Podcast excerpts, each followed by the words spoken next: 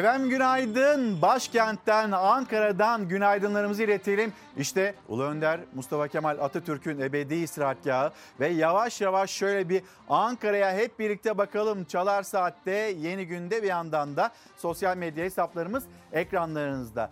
Devlet dairelerinin değil yalnızca Ankara'da hemen her evin e, balkonunda, penceresinde aynı görüntü var. Türk bayrakları var, atamız var. Milli Egemenlik Haftası'ndayız. 23 Nisan Ulusal Egemenlik ve Çocuk Bayramımızı dün büyük bir coşkuyla kutladık.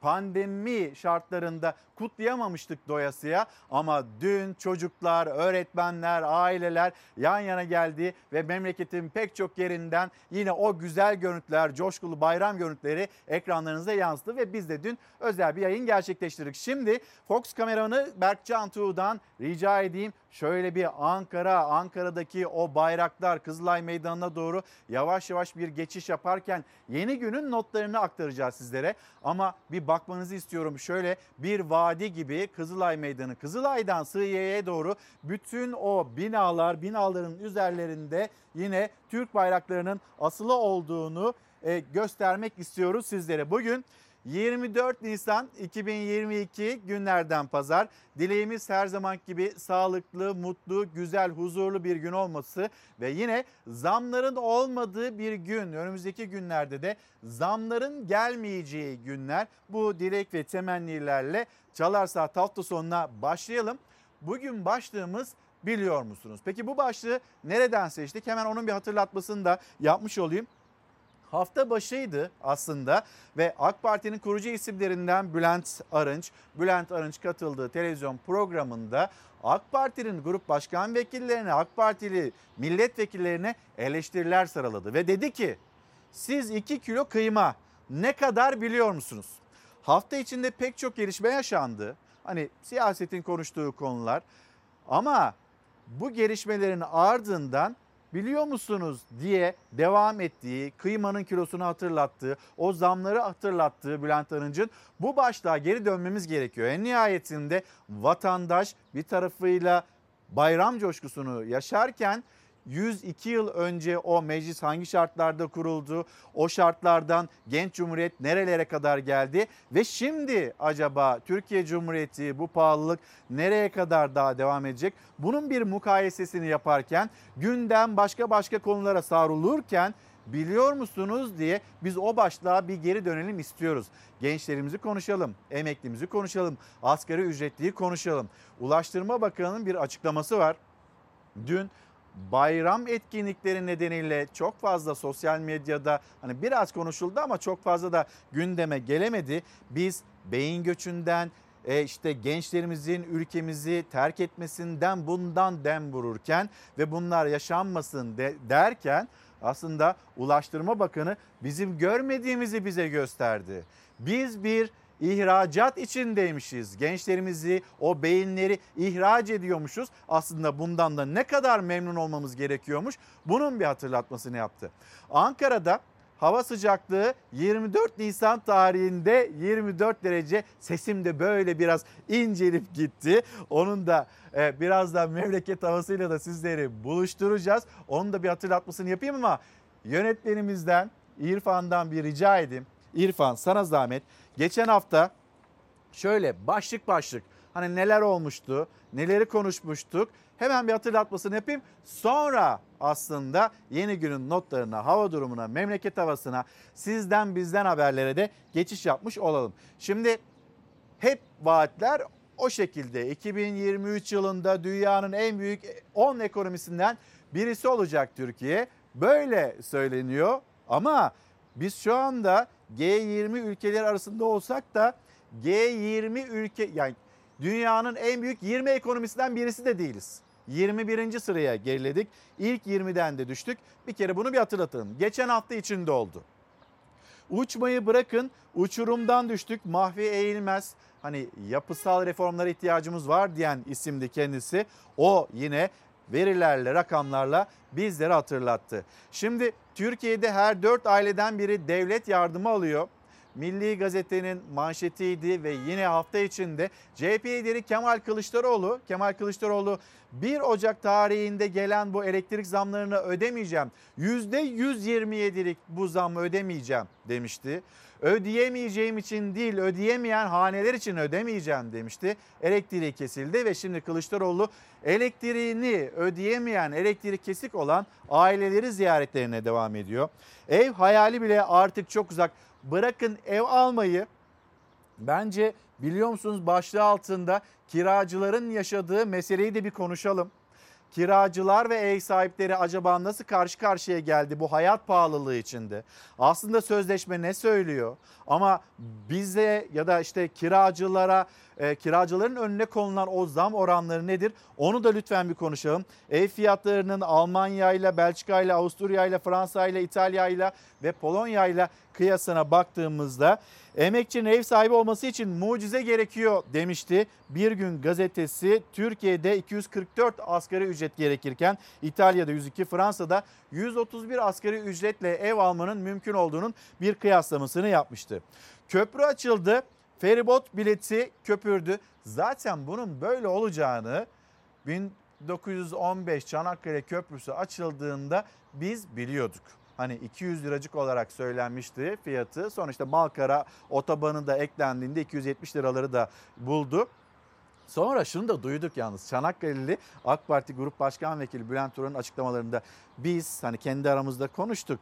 195 lira mı olsa acaba hem algısı da iyi olur diye konuştuk ama Cumhurbaşkanı asla böyle bir şey olmaz. Bu doğru bir yaklaşım değil demişti.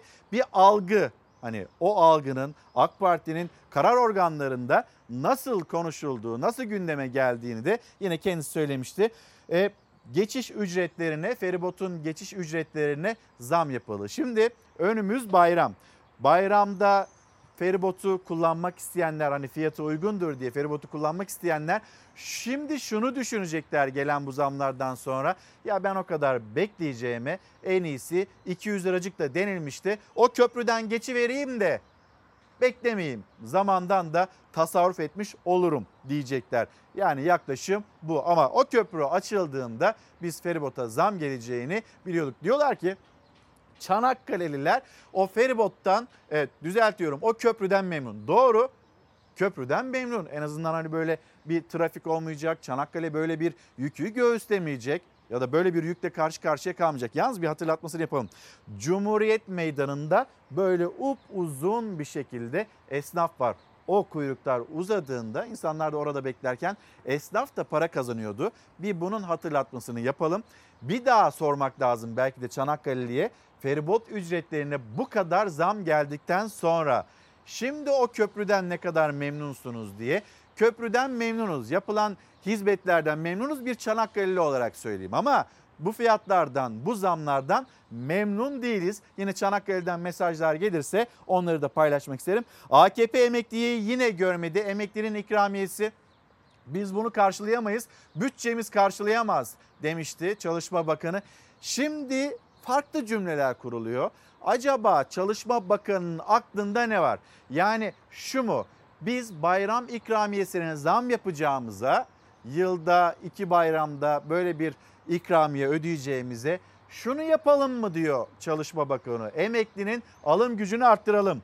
Emekliye çok daha fazla zam yapalım. Bunu mu söylemek istiyor? Acaba ne söylemek istiyor? Tam olarak duymak istiyoruz kendisinden ve yine emekliye sabır düştü. Hafta içinin manşetlerinden birisiydi. Hemen bir memleket havası diyelim biraz da sözü uzattık. Ankara'yı gösterdik. Ankara'da hava sıcaklığı 24 derece derken bir yandan da sesimiz incelmişti. Bir İstanbul'a gidelim. Yönetmenimiz İrfan Tomakin bizlere İstanbul'da yeni günün nasıl başladığının görüntüsünü paylaşsın. Şöyle bir merkezimizden, penceremizden, balkondan baktığımızda İstanbul'da da açık ve güzel bir havanın başladığı bilgisini aktaralım. İlker Karagöz Fox Instagram adresim, Karagoz İlker Twitter adresim. Bu adreslerden bizlere ulaşabilirsiniz. Çalar Saat hafta sonu memleket havasıyla devam ediyor. Bir sıcak bir soğuk günler tam ısındık derken kış yeniden mi geliyor ikilemleri bitti. Bazı bölgelerde mevsim bahar bazılarında yaza döndü.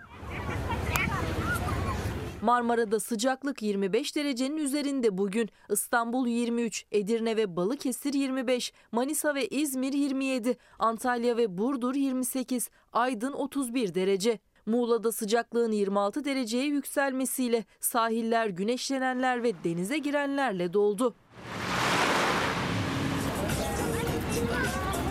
Yurdun güneyinde ise sıcaklık mevsim normallerinin üzerinde denilebilecek kadar sıcak. Hatay 32, Kilis 33, Adana ve Osmaniye 34 derece. Yurdun iç kesimlerinde sıcaklık 25, Doğu Anadolu'da ise 20 derecenin üzerinde olacak. Karadeniz'de önümüzdeki günlerde yağış yok, hava açık ve güneşli. Bugün İç Anadolu'nun kuzey kesimlerinde hafif yağmur geçişleri görülebilir. Sıcaklık 1-2 derece düşüş ve çıkışlarla hafta boyunca aynı değerlerde kalmaya devam edecek. Yeni haftanın ortasından itibaren Doğu Anadolu ve Marmara'nın iç kesimlerinde kuvvetli yağmur bekleniyor. Yağış sonraki günlerde Doğu Anadolu'dan iç kesimlere doğru ilerleyecek. Ancak yağmura rağmen sıcaklıklarda önemli bir düşüş yaşanmayacak. Düşüş yaşanmayacak.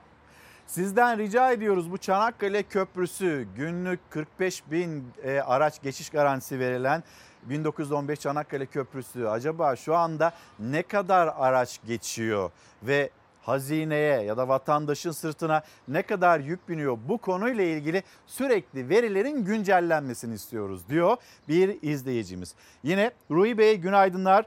E, bir zamanlar 23 Nisanlarda e, kutlu doğum haftası da kutlanırdı. Artık neden kutlanmıyor biliyor musunuz diye bir hatırlatması var. Ruhi Bece'nin acaba artık neden kutlanmıyor? Mahmut Nejat Yavuz günaydınlar Antalya'ya selamlarımızı iletelim sizlerin aracılığıyla. Emeklinin bayram ikramiyesi bugün başlığımız biliyor musunuz? Yani 2 kilo kıymanın ne kadar olduğunu biliyor musunuz? Ben eşimle gittim kasap, çarşı, pazar o alışverişi yaparken 2 kilo kıymanın ne kadar olduğunu biliyorum öğrendim. Acaba AK Partili milletvekilleri, grup başkan vekilleri o hesabı doğru yapabiliyor mu diyor Bülent Arınç.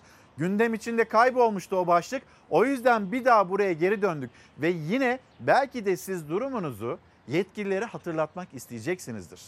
Emeklinin durumunu biliyor musunuz diye aslında Mahmut Necat Yavuz da bizlere bir mesaj göndermiş. Kimler bizimle birlikte, kimler Türkiye'nin gündemini takip aldı bir hemen onlara günaydın diyelim. Selamlarımızı iletelim, devam edelim. Cumhuriyet Gazetesi İrfan, Cumhuriyet Gazetesi ile başlayalım gazete turumuza.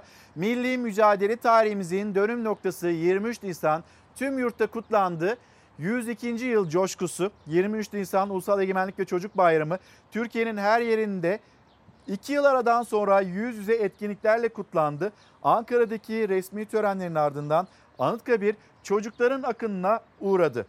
Erdoğan yine yok. Bir başla bir başka başlıktı. Türkiye Büyük Millet Meclisi'nde yapılan 23 Nisan özel oturumuna Cumhurbaşkanı Erdoğan'ın katılmaması ve aynı saatte İstanbul'da bir programda olması tartışma yarattı. Meclis Genel Kurulu'nda 2014 yılından beri yanılmıyorsam Cumhurbaşkanı Erdoğan bu törenlerde yer almıyor. Sabah gazetesine bakalım. Sabah gazetesinin manşeti bu arada Cumhuriyet Gazetesi'nden seçtiğimiz bir haber daha var. O başlığa geri döneceğiz. Bu coşkunun tarifi yok. Sabah gazetesinin manşeti. 23 Nisan tüm yurtta coşku ve gururla kutlandı. On binlerce çocuk 2 yıllık hasretin ardından ellerinde bayraklarla atalarına koştu. Bu coşkunun tarifi yok. Sabah gazetesinin manşeti idi. Şimdi hemen o zaman çocuklarımız, onların kutlamaları Türkiye'nin her yerinde pek çok bölgesinde bu kutlamalar oldu. Bir bakalım hani bizim önümüze gelen görüntülerden bir tanesini paylaşmış olalım. Yani dün bayramdı 23 Nisan'dı ama 24 Nisan tarihinde de biz çocuklarımız, onların sevinçleri, onların bu kutlamaları ona da yer vereceğiz elbette.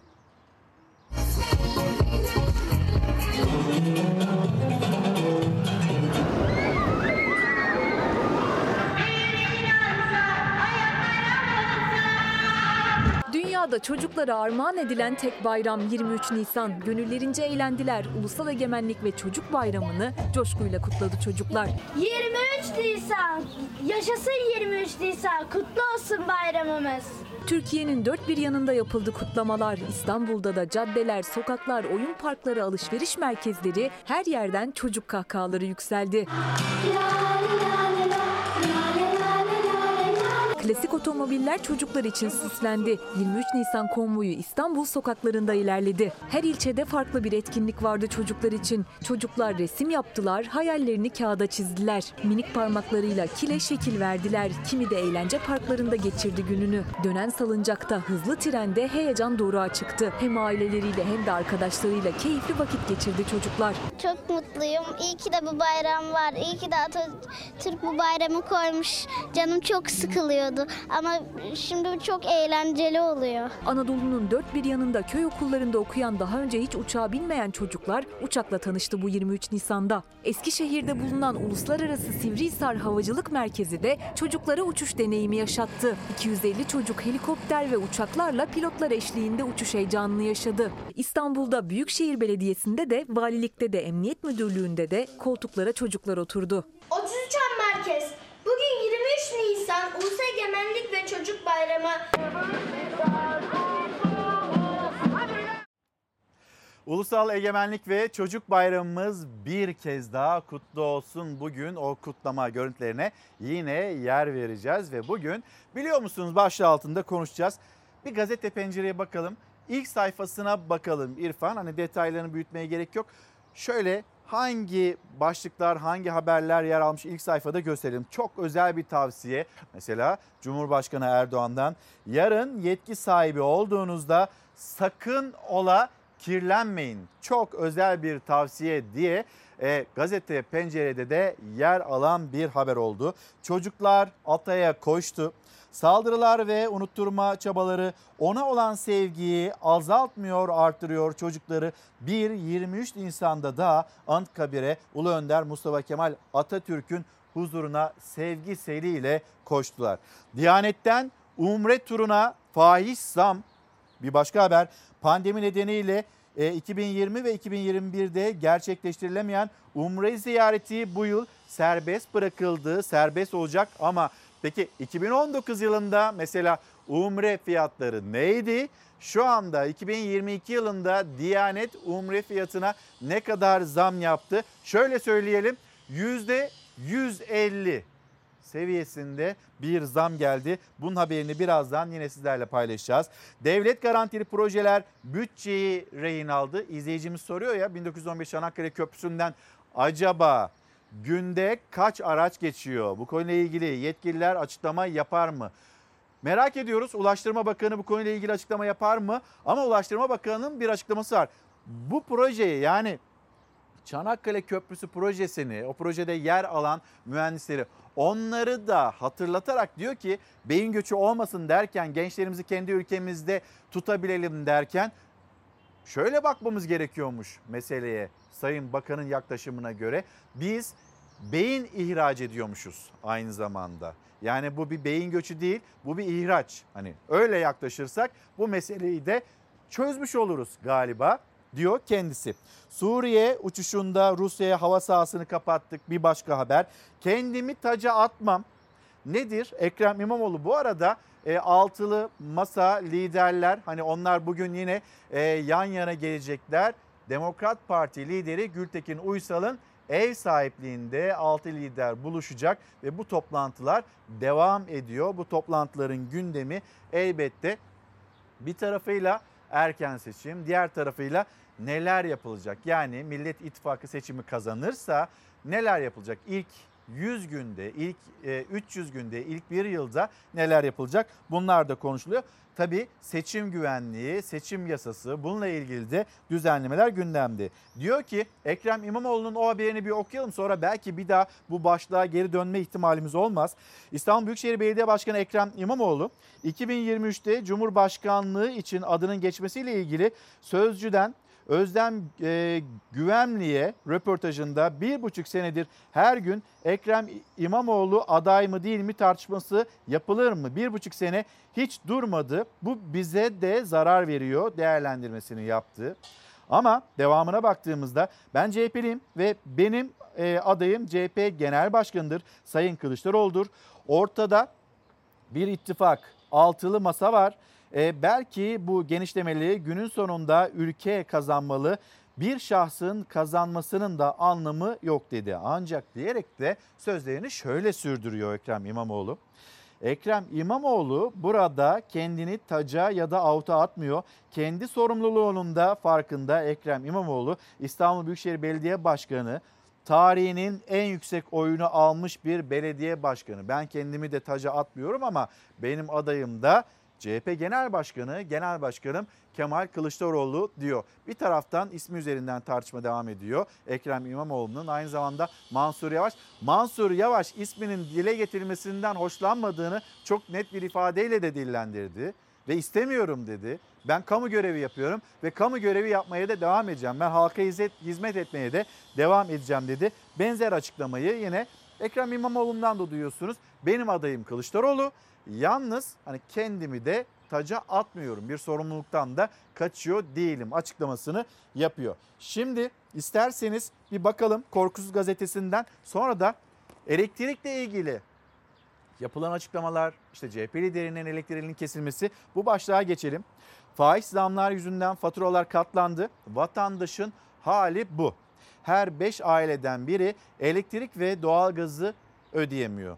Ekonomik krizle boğuşan halk ay sonunu getiremiyor. Başlığımız neydi biliyor musunuz? Biliyor musunuz diye başlayıp devam edeyim müsaadeniz olursa. Biliyor musunuz? Ekonomik krizle boğuşan halk ay sonunu getiremiyor. Son ankete göre elektrik ve doğalgaz faturasını ödemekte zorlanıyorum diyenlerin oranı %57 oldu. Şimdi buradaki bir tartışmaya daha çok rakamlar üzerinden devam eden tartışmaya bakalım. Ve ülkeyi yönetenler ya da kabine içinde yer alanlar. Hayır canım olur mu 4 milyon hane? 4 milyon hane değil 278 bin hane. Sanki o çok azmış gibi ve bununla da övünülürmüş gibi 278 bin hane dediler. 4 milyona yakın abonenin elektriği kesildi. 15-20 milyon kişini karanlığa gömmek kimsenin hakkı değildir. Külliyen yalan. 280 bin abonenin şu anda elektriği yok. Bakanın kendi imzasıyla 19 Nisan'da bakanlıktan çıkan veriler ulaştı. Sayılarda yaklaşık 3 milyon civarında abonenin 2021 yılında yalnız kesilen sayısı Kılıçdaroğlu'nun elektrikleri kesik ama siyasette yarattığı elektriklenme ve yüksek gerilim devam ediyor. CHP lideri 2021 yılında elektriği kesilen milyonların sesini duymadılar. Protestom bu yüzden dedi. İktidarla CHP arasında elektriği kesik abone sayısının polemiği ateşlendi. Ben 15 milyonun yaşadığı dramı bütün Türkiye'ye duyurmak istedim. Elektrik faturamı ödemedim. Bugün itibariyle tüm abone gruplarında elektriği kesik abone sayısı 278 bindir. 3 milyon civarında abonenin Ocak, Aralık 2021 yılında yalnız kesilen sayısı bize ulaştı. Tutar olarak da 850 milyon TL vatandaş bir yıl içerisinde elektrik faturasını ödeyememiş. Doğalgaz faturası da yaklaşık 368 milyon. O da kişi olarak da fatura olarak da 1 milyon 100 bin civarında. Kaç milyon abonenin elektriği kesik tartışmasında CHP'li Erkan Aydın soru önergesine daha birkaç gün önce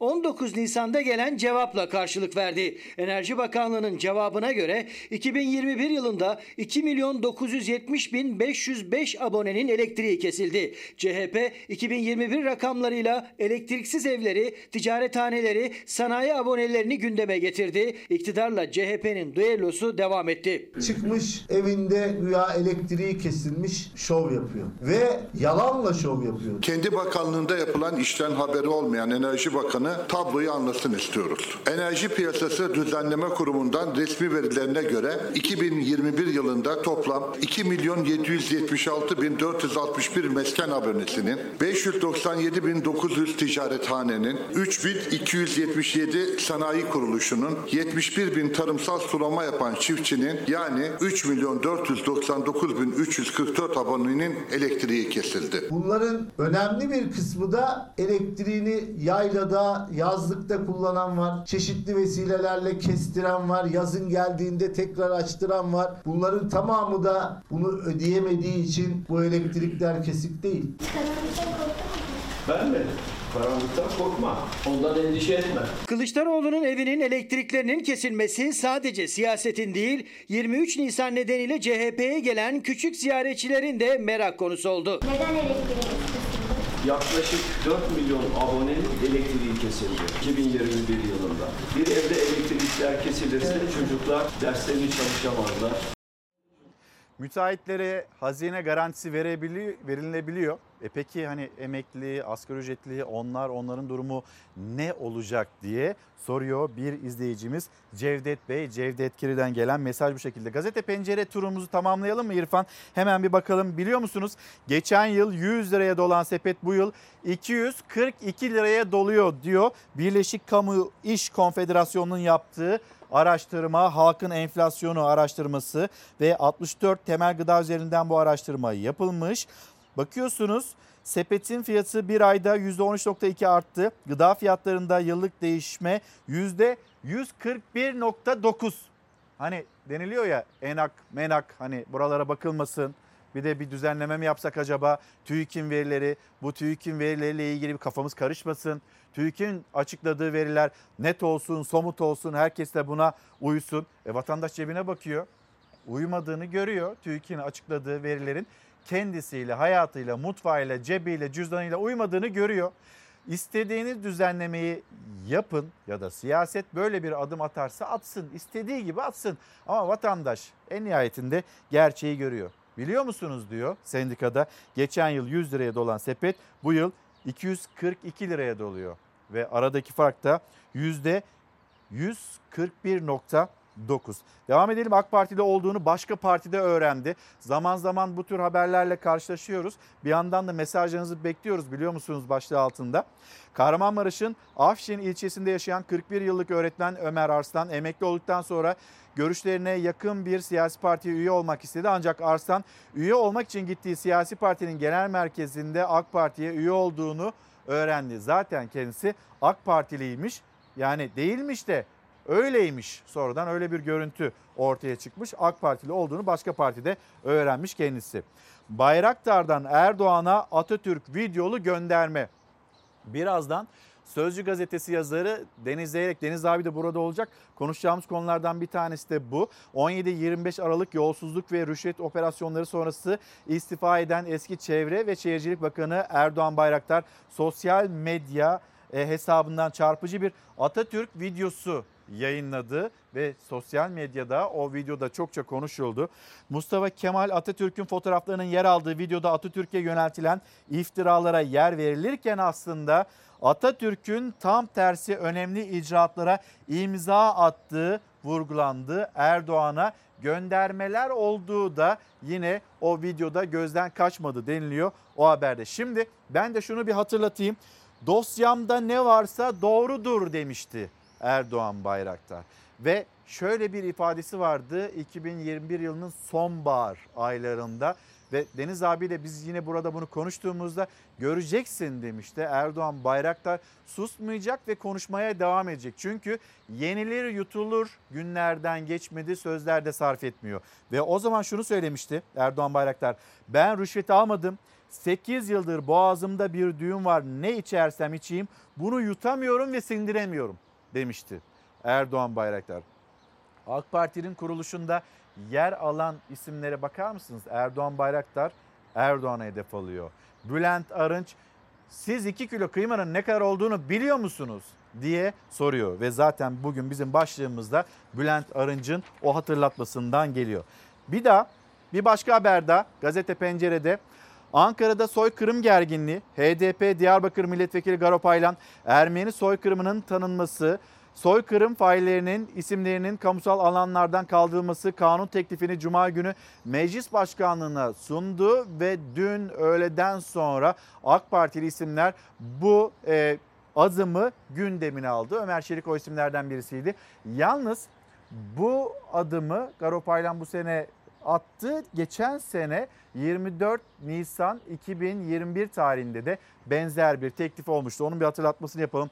Hem İyi Parti lideri Meral Akşener'den çok sert tepki var. Hem AK Parti cephesinden çok sert tepki var. Bu şekilde değerlendirme yapılamaz. Normalleşme sürecine dönük bir sabotaj olduğunu söyledi Ömer Çelik de. Şimdi Şimdi konuşuyoruz, haberleri anlatıyoruz, aktarıyoruz.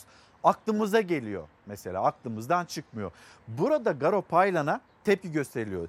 Zaten hani siyasetin kıskacından kurtarılamayan bir konu. İşte sözde Ermeni soykırım meselesi. Bakıyorsunuz Erivan'da, bakıyorsunuz e, Amerika Birleşik Devletleri'nde iki tane müze var. Bu konuyla ilgili sözde müzeler. Çıksın işte Ermenistan işte böyle bir soykırım olduğu iddiasında olan tarihçiler çıksınlar ve yine Türkiye'de tarihçiler hep bunu söyledi. Cumhurbaşkanı Erdoğan vurgusu da bu yöndeydi. Tarihçiler konuşsun, siyaset ve siyasetçiler konuşmasın bunu denilmişti. Hala siyasetin bir malzemesi olarak gündemimizde. Yalnız aklımıza geliyor. Geçen senelerde Joe Biden bu konuda bir adım attı. Sözde Ermeni soykırımını tanıyoruz dedi Joe Biden. Türkiye ayağa kalktı, diplomasi ayağa kalktı. Herkes tepki gösterdi. Türkiye'de Cumhurbaşkanı Erdoğan çok sert tepki gösterdi ve herkes 2021 yılının Haziran ayında Biden Erdoğan buluşmasına dikkatlerini çevirmişti. Acaba Erdoğan orada Türkiye'de o sarf ettiği sert sözlerden sonra Biden'a ne söyleyecek diye merak ediliyordu. Cumhurbaşkanı o toplantıdan sonra soru da soruldu. Hamdolsun hiç gündeme gelmedi bu konu demişti. Aklımıza geldi. Onu da bir paylaşalım istedik. Gelelim bir haber daha vardı. E, gazete Pencere'nin ilk sayfasında o da şükürler olsun. Hani hamdolsun şükür, şükürler olsun öyle bağlayarak devam edelim. Şükürler olsun ormanlar için 20 uçak 50 helikopter hazır. Biz geçen sene ciğerlerimizi, ormanlarımızı kaybettik ve bu sene ne durumdayız, hazır mıyız diye soruyorduk. İşte bakın bir başlık ve Orman Genel Müdürlüğü'nün açıklaması. Orman Genel Müdürlüğü olarak bu yılki yangınlara karşı da hazırlıklarımızı dediğim gibi tamamlamak üzereyiz. Özellikle hava araçları konusunda geçen yıla göre daha fazla hava aracını bu yıl inşallah e, çalıştırmış, kullanmış olacağız.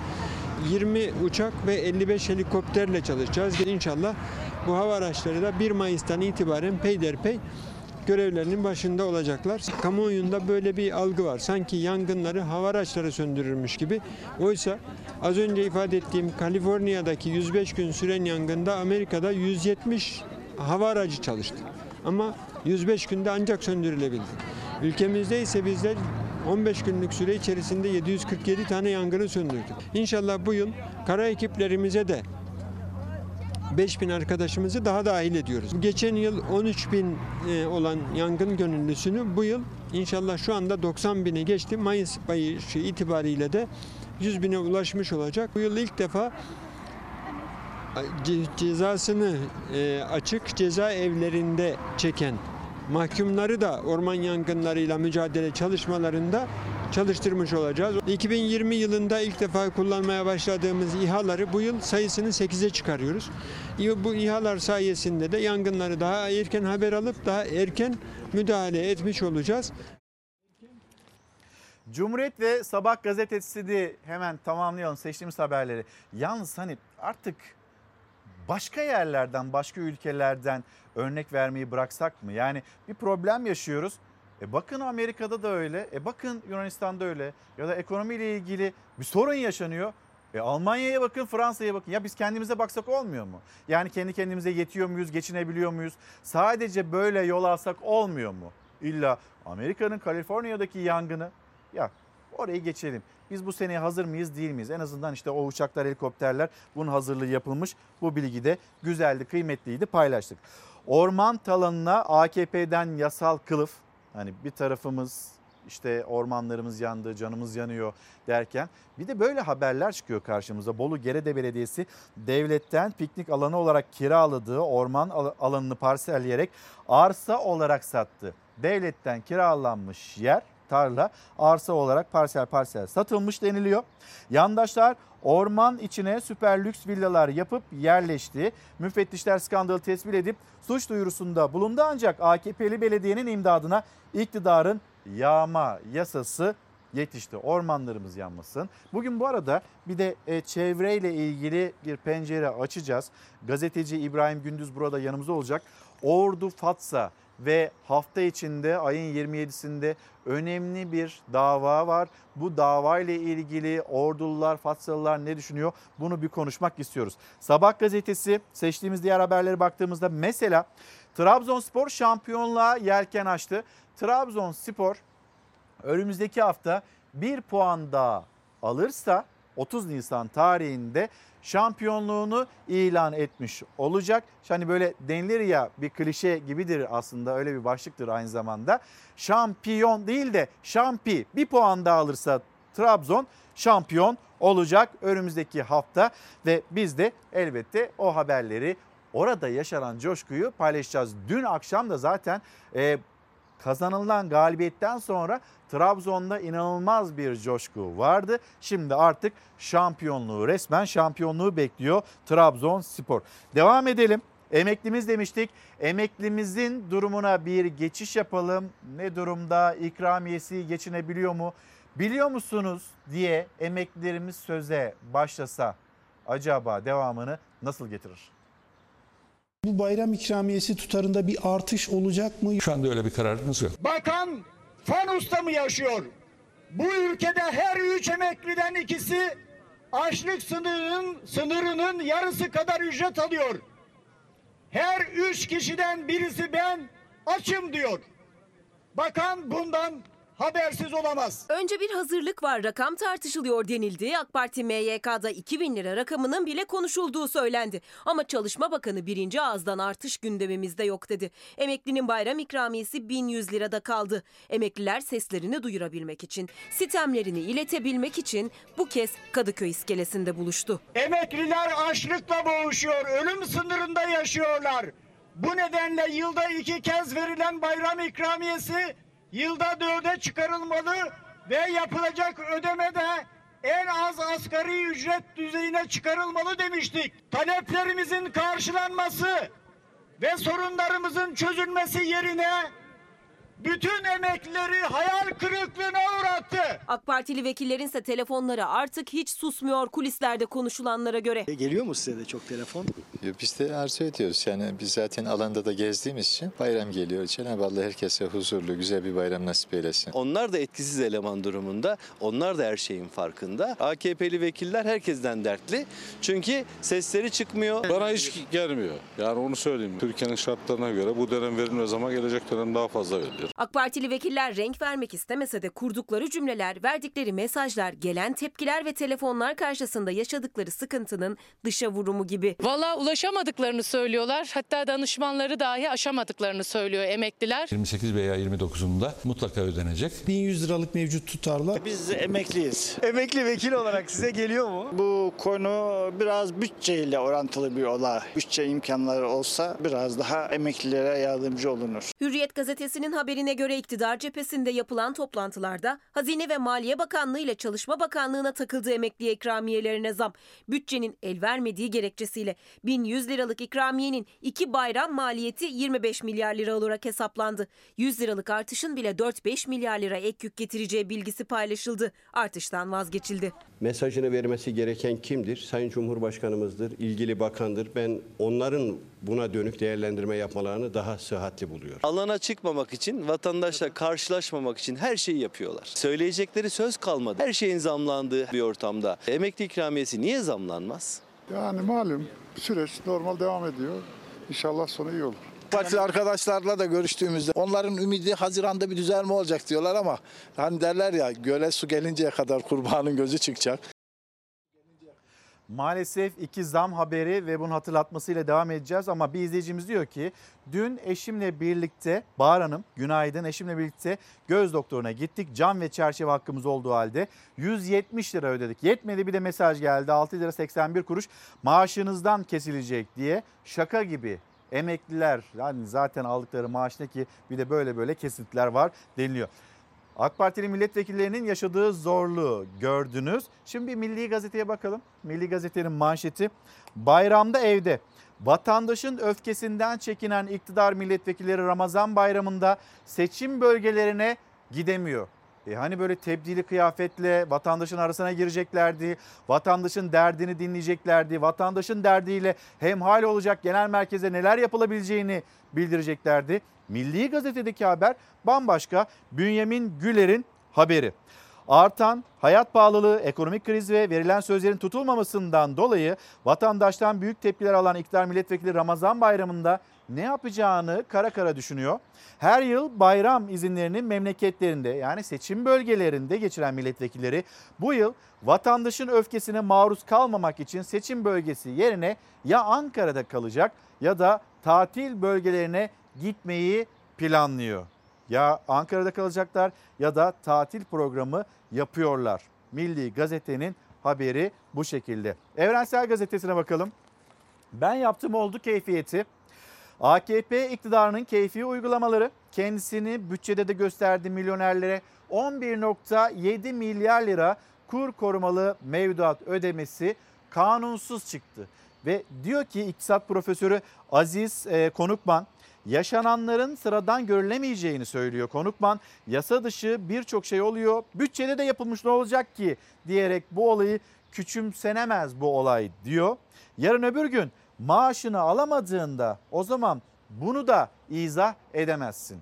Yaptığı değerlendirme açıklaması bu şekilde Evrensel Gazetesi'ne.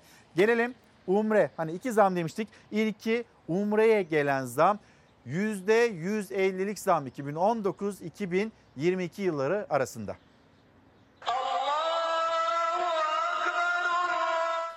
Ziyaretine %150 zam geldi. Kişi başı fiyat 18.670 lira oldu. Yani 4 asgari ücretten de fazla. Salgını nedeniyle 2020 ve 2021 yıllarında yasaklanan umre ziyaretleri bu yıl yapılabilecek. Tabi ücretini ödemeye gücü yetenler için. 2019'da 7500 lira olan umre ücreti bu yıl 18670 liraya çıktı.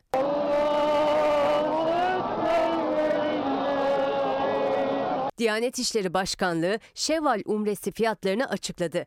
Ramazan ayından hemen sonra Umre ziyareti gerçekleştirmek isteyenlerin 4 kişilik odalar için ödemeleri gereken kişi başı ücret 4750 riyal yani 18670 lira.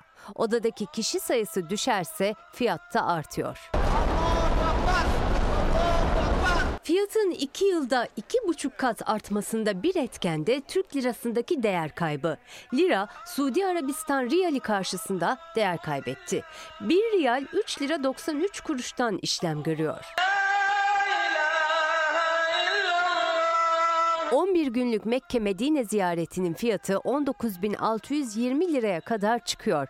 İlk tur ziyaretler 10-21 Mayıs, ikinci tur ziyaretlerse 21 Mayıs 1 Haziran tarihleri arasında yapılacak.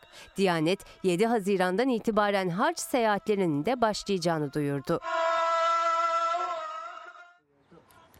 Bir gün gazetesi bir başka zam haberi o da ilaçla ilgili zam haberi.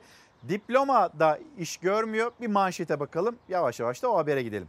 İşsizliğin ulaştığı vahim nokta üniversiteliler meslek edinmek için işkur kapısına yığılırken mühendislerse akın akın ülkeden gidiyor. Şimdi bir gün gazetesi böyle görüyor da hiç Ulaştırma Bakanı'nın açıklamalarına bakılmamış demek ki. Aslında biz insanlarımızı kaybetmiyoruz. Bizim insanlarımız kaybedilmiyor. Bu, bu, bu bir beyin göçü değil. Bu aynı zamanda ihraç hani gençleri ihraç ediyoruz biz. Ne kadar güzel. Bir de bu pencereden bakın dedi ya Ulaştırma Bakanı. Onu konuşalım bir bakalım. İşkur'un mesleki eğitim kursları verileri ülkedeki gençlerin içinde bulunduğu hazin tabloya ayna tuttu. E, İşkur böyle söylüyor da TÜİK böyle söylemiyor. İşsizlik düşüyor diyor mesela TÜİK. E, biz şimdi TÜİK'e mi inanacağız? İşkur'a mı inanacağız? Kime inanacağız? Rakamlar böyle çelişir mi? İşkur ne yapmaya çalışıyor acaba? Yani verilere göre geçen yıl meslek edinmek için İşkur programına başvuran 101.501 kişiden 17.061'inin doktora ve yüksek lisans mezunlarını da içeren üniversite mezunları olduğu ortaya çıktı. Başvurularda kadınlar ağırlıkta. Mühendisler ülkeyi terk ederken şimdi gelelim. Mühendisler ülkeyi terk ederken Ulaştırma Bakanı Kara İsmailoğlu bundan kendilerine pay çıkardı. Ülkenin mühendis ihraç eder hale geldiğini ileri süren bakan tepki çektiği Mimar Mühendisler Odası İstanbul Şubesi'nin çalışmasına göre 6 aydan fazla iş arayan mühendislerin oranı %64.81 ve mühendislerin bir gelecek kaygısı var. Bu yaşanıyor. Şimdi biliyor musunuz diyerek bir bilgiyi daha ekleyeyim. Son iki yılda 8 bin hekim, doktorlarımız onlar istifa etti ve 2017'den beri de beri de 4484 hekim gitti. Hani yurt dışına gitti. Kimsenin aklına Ulaştırma Bakanı'nın söylediği gibi bir bakış açısı gelmedi. Yani zannediyorsunuz ki beyin göçü. Hayır bu aynı zamanda bir ihraç, gençlerimizin ihraç edilmesi. Böyle baktığınızda içinizde ferahlayacaktır aslında. Ulaştırma Bakanı gibi görmek gerekiyor bazen meseleleri. Şimdi bir de bakalım 508 ilaca %200'e varan zam birden. Bu konudaki hatırlatmayı Ankara Eczacı Odası Başkanı Taner Ercanlı yaptı. Zam var yine 508 ilaca %200'den fazla zam. Ülkemizde ilaç fiyatları her yıl bir önceki yılın avro kurunun ortalamasının %60'ı belirlenerek Şubat ayında gerçekleştiriyor. Bu seneki artış da yine geçen yılki avro kurunun ortalaması alınarak 6.29 üzerinden Şubat ayında %37.43'lük bir fiyat artışı şeklinde gerçekleştirildi. Maalesef gelinen noktada ülkemizdeki birçok ilacın üretilemediğini veya ithal edilemediğini gözlemledik. İlaç firmalarının Sosyal Güvenlik Kurumu'na yapmış oldukları iskontoları da geri çektiklerine şahit olduk. Ve bu süreçte özellikle diyaliz solüsyonlarında ve birçok ilaç grubunda hastalar ciddi mağduriyetler yaşamak zorunda kaldılar. 508 kalem ilacın fiyatı %1 ila %200 oranında değişen oranlarda arttırıldı. Bugün uygulanan ilaç fiyat kararnamesinin aslında e, sürdürülemez olduğunu, mevcut sosyal güvenlik kurumu geri ödeme sisteminin yine aynı şekilde çağın gerekliliklerinin artık gerisinde kaldığını ve bunların tekrar sıfırdan yazılması gerektiğini defaatle söylüyoruz. 2023 %57 ile 62 arasında bir artış gerçekleşeceği öngörülüyor. Ve bu artışı düşündüğümüz zaman biz bu yıl %37.43'lük bir oranda ülkemizde çok ciddi ilaç bulunurluğunda problem yaşadık.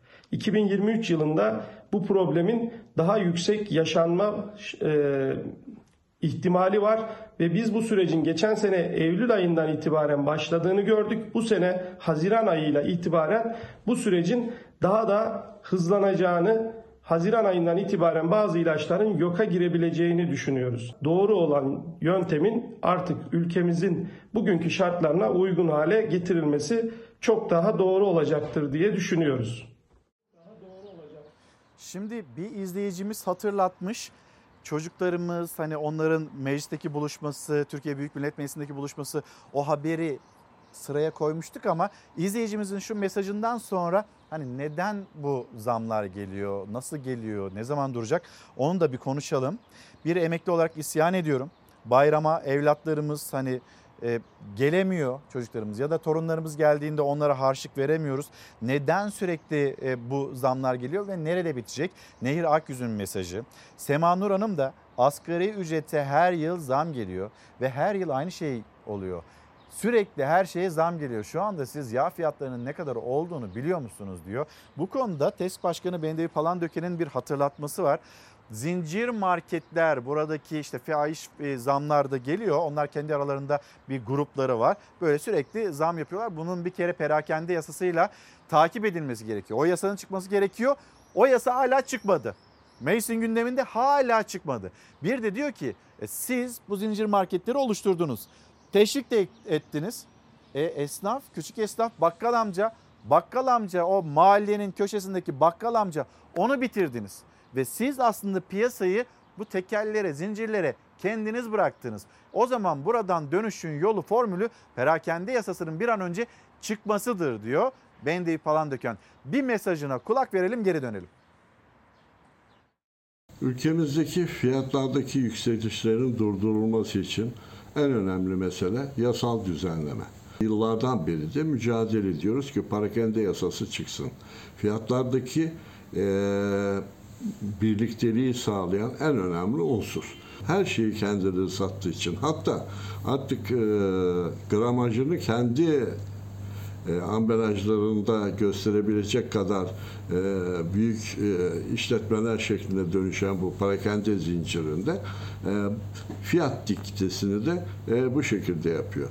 E, vatandaşın e, fiyatların ucuzlamasıyla rahatlaması için alınan hükümetin birçok tedbirleri de e, bu zincirler için geçerli e, değil.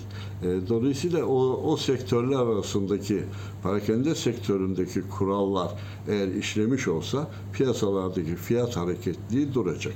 Ve bu zincir e, mağazalar kendi aralarında hepsinin fiyat birlikteliğini sağlayabilmek için ürün gruplarını e, paylaşmışlar kendi aralarında. Örneğin bir e, zincirde e, deterjan grubu yani temizlik grubu, diğer grupta kağıt grubu, diğer grupta yağ grubu, diğer grupta gazlı içecekler grubu.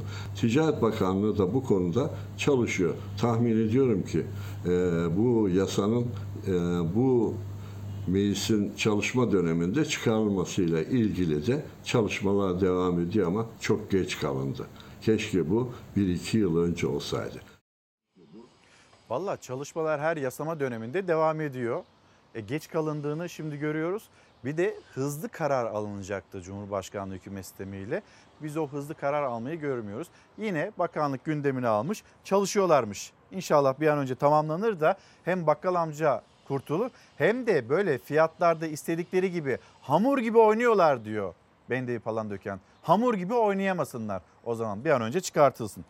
Şükrü Bey, Şükrü Durmuş günaydın. Tarım Orman İş Genel Başkanı'nın gönderdiği bir mesaj. Orman Genel Müdürü hani helikopterlerimiz işte uçaklarımız hazırız hazır mıyız diye sorduğumuzda yangınlara karşı hazırız mesajı vermişti. Yalnız Şükrü Durmuş'un bir hatırlatması var. Hemen bir okuyayım. Öylece de hızla reklamlara gidelim. Orman Genel Müdürlüğü'nün açıklamalarında somut hatalar var. Orman yangınlarıyla mücadele bir uzmanlık işidir. Öncesinde eğitim alınmalıdır. Gönüllüler eğitilmeden yangın alanına asla alınmamalıdır. Ayrıca açık cezaevindeki mahkumların yangın söndürmede çalıştırılacak olmaları da doğru değildir diyor Şükrü Durmuş'un değerlendirmesi ve burada kuruma alınacak 5000 işçinin mutlaka orman köylüsü olması koşulu konulmalıdır. Aksi halde genel müdürün yaklaşımıyla biz bu yılda orman yangınlarını söndüremeyiz. Şükrü Durmuş'un bizimle paylaştığı mesaj. Şimdi bir mola. Molaya gitmeden önce şu kitaplarımızı gösterelim mi İrfan? Aramak için döndüm çünkü dün gösterememiştik. Elimizde de e, bayağı bir kitap birikti. Onları paylaşalım. Aramak için döndüm. Fuat Yalçın'ın kitabı. Feyyaz Kayacan, Gibiciler. Göstereyim bir öykü kitabı. Gamze Süner Atay, 5. kattan düştüm. Deliyim o zaman. Ve kültürü, görgüsüyle denizcilik Cem Gürdeniz bu alanda yazılmış ilk kitap denizcilik hani denizcilik o, o denizlerimiz üzerinde mavi vatan üzerinde bir görgü kuralı var ve o görgü kuralını hatırlatıyor. Emekli Amiral Cem Gürdeniz bu konuya dair ülkemizde yazılmış ilk kitaptır. Hatırlatmasıyla hızla reklamlar dönüşte buluşalım. Günaydın. Çalar Saat hafta sonunda devam ediyoruz. Sözcü gazetesi yazarı Deniz Zeyrek. Deniz abi şu anda yanımda.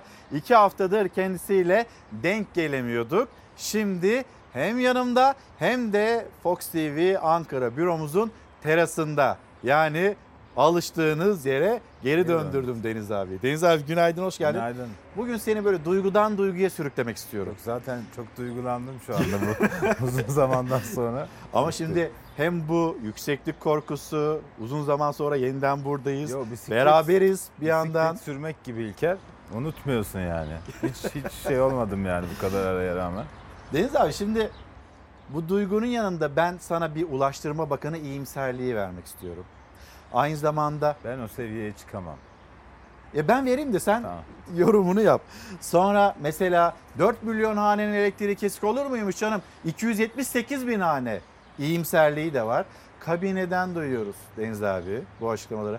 Hangisiyle başlayalım acaba? Hangi iyimserlikle başlamak istersin? Ulaştırma Bakanı ile başlayalım. Ulaşalım öbürlerine evet, de yavaş yavaş. Evet Deniz abi haber seçti. Hemen bir bakalım. Ulaştırma Bakanı ilk haberimize gidelim. Nasıl bir iyimserlik, nasıl bir iyimserlik? Nereden çıkartıyorsunuz beyin göçünü? Aslında biz beyin ihraç ediyoruz. Kendi kendimize yetiyoruz bir de beyin ihraç ediyoruz diyor kendisi. Bir bakalım. Tabii bu kadar hızlı işler yapıldı, bu kadar büyük işler yapıldı. Biz maalesef yıllar önce e, yabancı mühendislik teknolojisini kullanıyorduk. Yabancı firmalar ülkemizde müteahhitlik yapıyorlardı. Yine Bolu Dağı tünelini de yapan müteahhitlerden birisi yine yabancı müteahhitlerden de. Ama yıllarca bitmeyen projeler ve bitmeyen paralar ödediğimiz işler ama bitmeyen projeler sonucunda. Bugün geldiğimizde teknoloji açısından, mühendislik açısından artık biz mühendislik ihraç eden ülke konumuna geldik. Bu da bu yaptığımız işlerde kazandığımız bilgi, beceri ve tecrübe sayesinde oldu. O yüzden biz Çanakkale Köprüsü gibi dünyanın gıpta ile baktığı en büyük, en uzun asma köprüsünü yapıyoruz. Yani 2023 metre orta açıklığıyla dünyanın en geniş asma köprüsü, 318 metre yüksekliğiyle dünyanın en yüksek kule ayaklarına sahip bir köprüyü tamamen Türk mühendisleriyle yapıyoruz.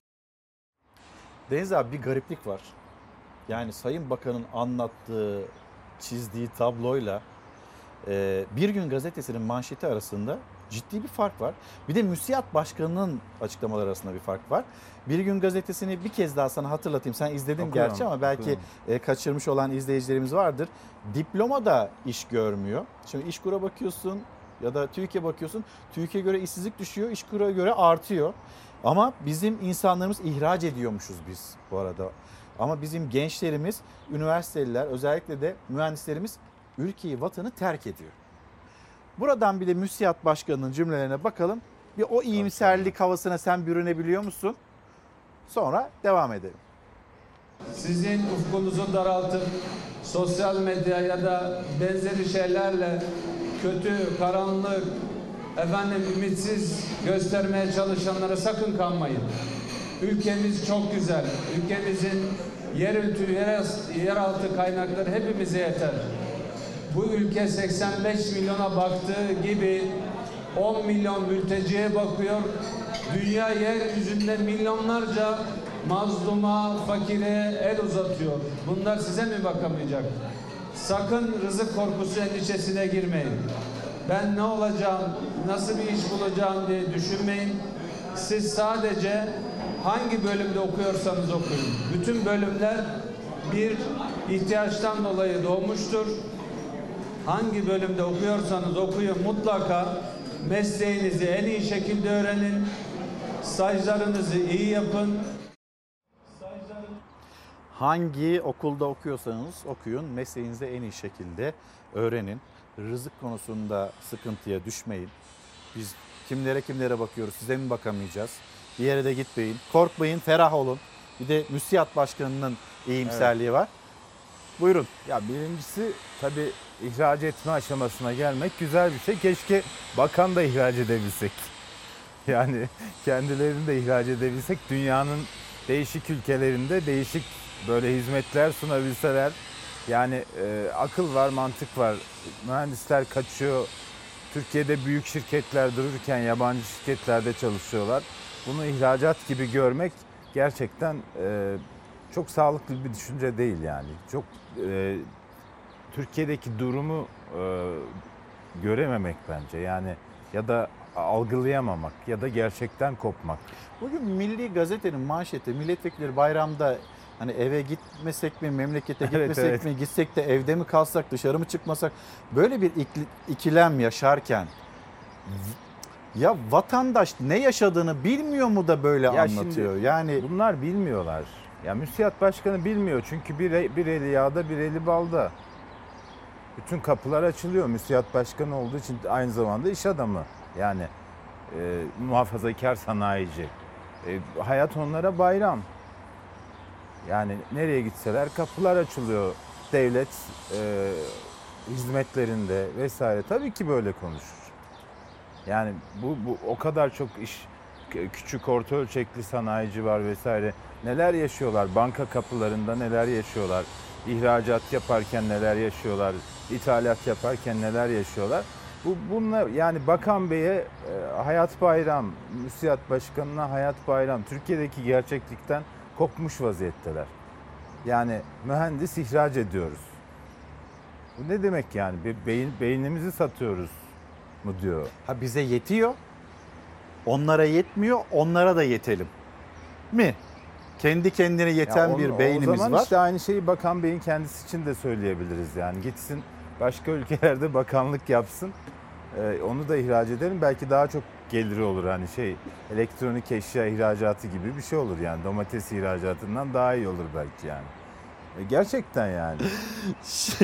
Şimdi Böyle e, bakılır mı Allah eşyanın tabiatına aykırı da olabilir mi acaba? Eşya deyince. Neyse Yazık ben çocuklarımızı yani Ben- şey ya gerçekten çok yaratıcılar İlker ya.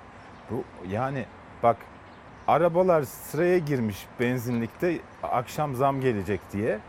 Adam çıkıyor diyor ki o kuyruk diyor benzinin şeyinden değil diyor arabanın fazlalığından. Şimdi bu zeka müthiş bir zeka. Bu yaratıcılık. Mühendisler, doktorlar kaçıp yurt dışına gidiyor. yaratıcılık da bunun alıcısı var mı ya? E, Var, vallahi var. Ben görüyorum yani sokakta görüyorum. Al- alıyorlar yani. Ya bu o zaman o akıl tutulmasını ihraç yani edebiliyor muyuz? satıcısı olan şeyin alıcısı da oluyor yani. Ama şimdi tamam da AK Parti'nin içinden bir isim itiraz etti. Ya sen kıymanın kilosu kaç lira biliyor musun diye soran bir isim de var AK Parti'nin İşte içinde. o, o yanlış yapıyor. O da her gün 100 gram şey yani 100 liralık alsa miktar biraz azalıyor zamanla ama 100 liralık alsa mesela kaç lira olduğunu merak etmez. Bülent Arınç'tan bahsediyorsun değil mi? Dinleyelim bir sesini. Tamam. Hadi bir bakalım.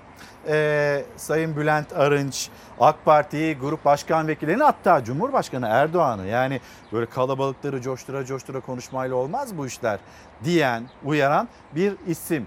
AK Parti'den Bülent Arınç neler söyledi başka? Bakalım. E Ben 2 kilo et yiyeceğime yarım kilo et yerim diye göğsünü gere gere dolaşıyor. Ayda bir kilo iki kilo et yiyorsak yarım kilo yeriz. Lan 2 kilo et kaç para biliyor musun sen? 300 lira. 300 lira. Kim verecek bu parayı? 150 euroya dolan bir poşet Fransa'da, Almanya'da 750-800 euroya doluyor. %6-7 oranında artmış bir enflasyon. Bizim bir grup başkan vekilimiz %7'yi %700 gibi anlayacak bir hesabın içine düştü. Biraz da gülünç oldu tabii. Doğalgaz mini mini gelmiş zam demek ki Bir milletvekili Konya'dan minicik minicik zamlar canım bundan şikayet etmeye gerek yok demişti. Bunlar insanları yaralıyor ama haberiniz olsun. Bak bunlar menemenin içine sucuk katmışlar ha. Az önce bunlar şikayet etmiyor muydu ya? Sucuk almak mümkün değil. 118 liradan başladığını söylüyorlar. Şartlar dönüyor. İşler iyi elhamdülillah. Bu ülke yanmaz. Enflasyon resmi rakamlarda yüzde 60'ı da bulmuşsa milleti hitabetle coşturamaz, konuşmayla aldatamazsınız. Fiyatlar konusunda vicdansızlık yaparak milletin aşına göz dikenlere acımayacağız. Ben bu market sahiplerini tanırım. Hepsi dindar insanlardır. Hepsi AK Partili insanlardır ve hepsi kendi öz kardeşleri kadar da Tayyip Bey'i sevenler. Fiyatları stokçuluk veya anlaşma yoluyla haksız şekilde yükselterek fahiş kazanç elde etme peşinde koşanlara verilen cezaları artırıyoruz. Siz pahalıya alın ama ucuza satın diyor birileri. Sesini kes. Sen sadece böyle yap. Böyle bir ticaret dünyanın hiçbir yerinde yok. Tayyip Bey'e olan sevgi ve güven zayıflamış olarak devam ediyor. Bu zayıflamayı durdurmak lazım. Şimdi yani kim yanlış okuyor siyaseti, sokağı, toplumu? Ne diyelim? Ve başlığımızda biliyor musunuz? Ya yanlış okuyor değil, biliyorlar, bir bilmemezlikten geliyorlar. Yani AK Parti böyle bir strateji, ya bunu ba- başını kuma gömmek denir buna biliyorsun. Deve kuşlarına şey yaparlar, ithaf Tecavüle ederler ona. Arif miydi? Bilip de bilmemezlikten gelme. Şimdi hatada yapmışız. Yapmayalım. Sınava girecek olan Edebiyatta- arkadaşlarımız vardır. Özür sen ona bir bak da doğru doğru söyleyelim. Yani gerçekten böyle bir şey içindeler. Ya baksana yani mesela diyor ki 1 kilo almam 500 gram alırım işte 300 gram alırım. Ya kardeşim sen sorunu çözeceksin. Vatandaş zaten mecbur kaldığında bırak 300 grama düşürmeyi hiç almıyor, hiç yiyemiyor yani. E Bülent Arınç ne desin yani et bulamıyorsan mesir macunu mu yedesin yani? Memleketinden. Memleketi itibariyle Tevellüt. yani. Adam doğruyu söylüyor. Mütevellit. Siz dünyanın farkında değil misiniz kardeşim ama yani şu Ramazan'da iftar sofralarına, sahur sofralarına bakıyorum. Bu beyefendilerin öyle bir derdi yok. Onlar ete de ulaşabiliyorlar, bütün yiyeceklere de ulaşabiliyorlar. Çünkü paraları var. Ama böyle o paralar da değişik. Yazıyla 21 bin, ya da yazıyla 20 bin, rakamla 21 bin. Hani o rakamlar da tutmuyor. Nasıl Ya oluyorsa. öyle ya onlar çok küçük detaylar. Onlara takılıp kalma. Yani Detay. fotoğrafın fotoğrafın büyük büyü- fotoğrafa. Tamam, büyüğüne bak. iyimserliğe geri döneyim. Yani ta- Döneyim mi iyimserliğe geri? Tayyip Erdoğan Cumhurbaşkanı işte şey yapıyor yani e, marketleri suçluyor vesaire falan. Ya sanki Türkiye'nin bütün marketçileri birleşmiş vatandaşı kazıklayalım diye el ele vermiş. Hükümetin hiçbir suçu günahı yok. Bülent Arınç diyor ya, ucuza al şey pahalıya al ucuza sat. Şey mi bekliyor? Yani anlaşılır gibi değil ya. Bilmiyorlar mı? Sence bil- bilmiyor olabilirler mi Türkiye'deki Yani pahalılığın bilmiyor gerçekleri? olsalar bence çarşıya pazara çıkarlar. O milli gazetenin manşeti doğru olmaz. Tabii. Değil ya mi? işte bütün gazete mesela iktidar gazetelerinde çok göremiyorsun da normal gazetecilik yapan gazetelerin birinci sayfalarına bak. Bütün muhalefet liderleri sokakta. Meral Akşener kalabalığın içinde, Kılıçdaroğlu kalabalığın içinde, Gültekin Uysal bir yerde, Babacan bir yerde, işte Karamollaoğlu bir yerde. Bugün de altılı masadalar. Ha iktidardan bir tane fotoğraf yok ya halkın arasında. Bak uzun zamandır iki aydır falan dikkat ediyorum. Gazetelerin birinci sayfasında bir tane bile iktidar mensubunun halk arasında şeyini görmedim. Cumhurbaşkanınınkiler bile şey yani seçilmiş bir topluluğa e, kimlik kontrolü yapılmış, güvenlik kontrolü yapılmış, e, Covid testi yapılmış, PCR testi yapılmış, seçilmiş bir kalabalığa konuşmaktan ibaret. Yani sokağa ineceksin, insanı göreceksin, doğrudan esnafın sorunlarını dinleyeceksin. Bunlar yok. Şimdi bunları yaşamıyorsun. Pa- cebinde para dolu. Tamam mı? Birinci evini alıyorsun, ikinci evini alıyorsun, eti kiloyla alıyorsun. Ya sokağa inmiyorsun, bir de böyle refah içinde yaşıyorsun. Nereden bileceksin? Nereden bileceksin ya? Bilemezsin. Haliyle de çıkıp böyle absürt absürt açıklamalar yapıyorlar. Ona artık muhalefetin isyanı bir kenara kendi kurucuları isyan etmeye başladı. İşte Bülent Arınç isyan etmeye başladı. Erdoğan Bayraktar'la geçen Geleceğim. konuştum. Hah. Şey e, Tekirdağ'da sığır, sığır besliyorum diyor. Yani, Sığır besliyor. Evet Tekirdağ. evet. Hayvancılık yapıyor. Hayvancılık Hem de bu yapıyor. dönemde. Evet evet. Geçinebiliyor muymuş? Geç yani e, mutluluğu burada. Yem ne oldu, bazot ne oldu? İşte Yani- onları da. Mutluluğu burada buldum dedi. Yani O zaman geçiniyor. Teşvik mi almış? Ne yapmış ki? ya onu bilmiyorum ama yani sonuç itibariyle e, biliyorsun kendisi bayındırlık hani şey şehircilik Çevre bakanıydı. Şehircilik Bakanıydı. Betonla uğraşıyordu. Şimdi tarımla uğraşıyor. Yani demek ki o da betondan fayda gelmeyeceğini Betonun gördü. yenilmeyeceğini keşfettikten Evet. sonra Yani son salatalık yenildikten sonra, son domates yenildikten sonra şu betonları falan yiyemeyeceğimizi o da anladı demek ki. Şimdi burada böyle zaman zaman yayına da sesler geliyordur. Ankara'nın bir inşaatı bitmedi. Şimdi bunu Deniz abi Bodrum'da çok duyuyoruz. İnanılmaz bir yapılaşma. İstanbul'u zaten konuşmaya gerek yok.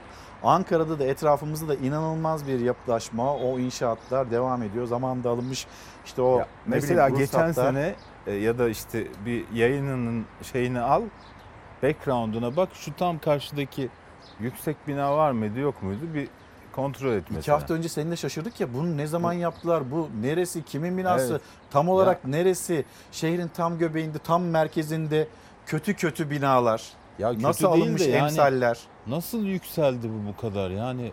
Ne Şuraya binası baksana ki o? şey tam şehrin göbeğine hançer gibi böyle saplanmış ya. Nasıl? bilen varsa yazabilir mi acaba yani Nasıl? biz onun takibini yapamadık şöyle arkamıza bir döndük baktık birden bina yükselmiş nasıl oluyorsa e, onu da hani neresiymiş şey, nereden e, olmuş kim Gülhane, yapmış Gülhane Askeri Tıp Akademisi'ni görüyorum sanki o yan tarafında. Tespitini bile evet yani Gata'nın hemen ön tarafına da denk geliyor. Neyse onu bir e, öğreniriz de ben iyimserlikle devam etmek istiyorum. Bu elektrik meselesine geçiş yapmadan AK Parti Konya İl Başkanı eskiden eski dönemde de milletvekilliği yapmış.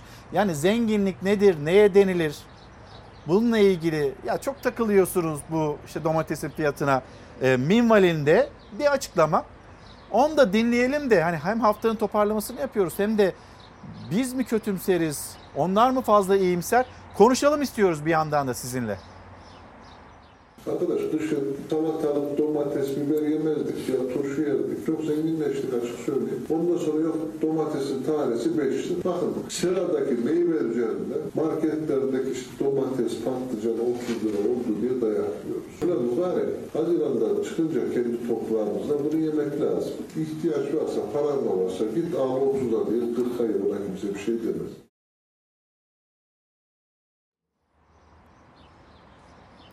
Yani şimdi burada turfanda ile ilgili hani söyledikleri doğru. Sera olunca kış mevsimi e, de hani yaz mevsiminin sebzesi de meyvesi de pahalı.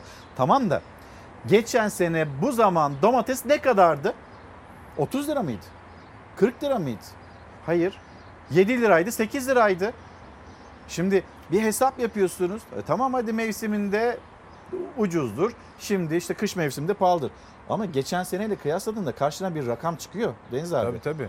Ve burada da ya yapmayın biz aslında zenginiz bunlar hep zenginlik. Eskiden domatesim var diye gelecek iş. Ya bizim biz ilkokuldayken bile turfanda domates vardı yani. turfanda diye bir şey öğretirlerdi sosyal bilgiler dersinde yani. E, Beyefendiler e, gerçekten hakkı demin dedim ya yani kopmuşlar gerçekten kopmuşlar.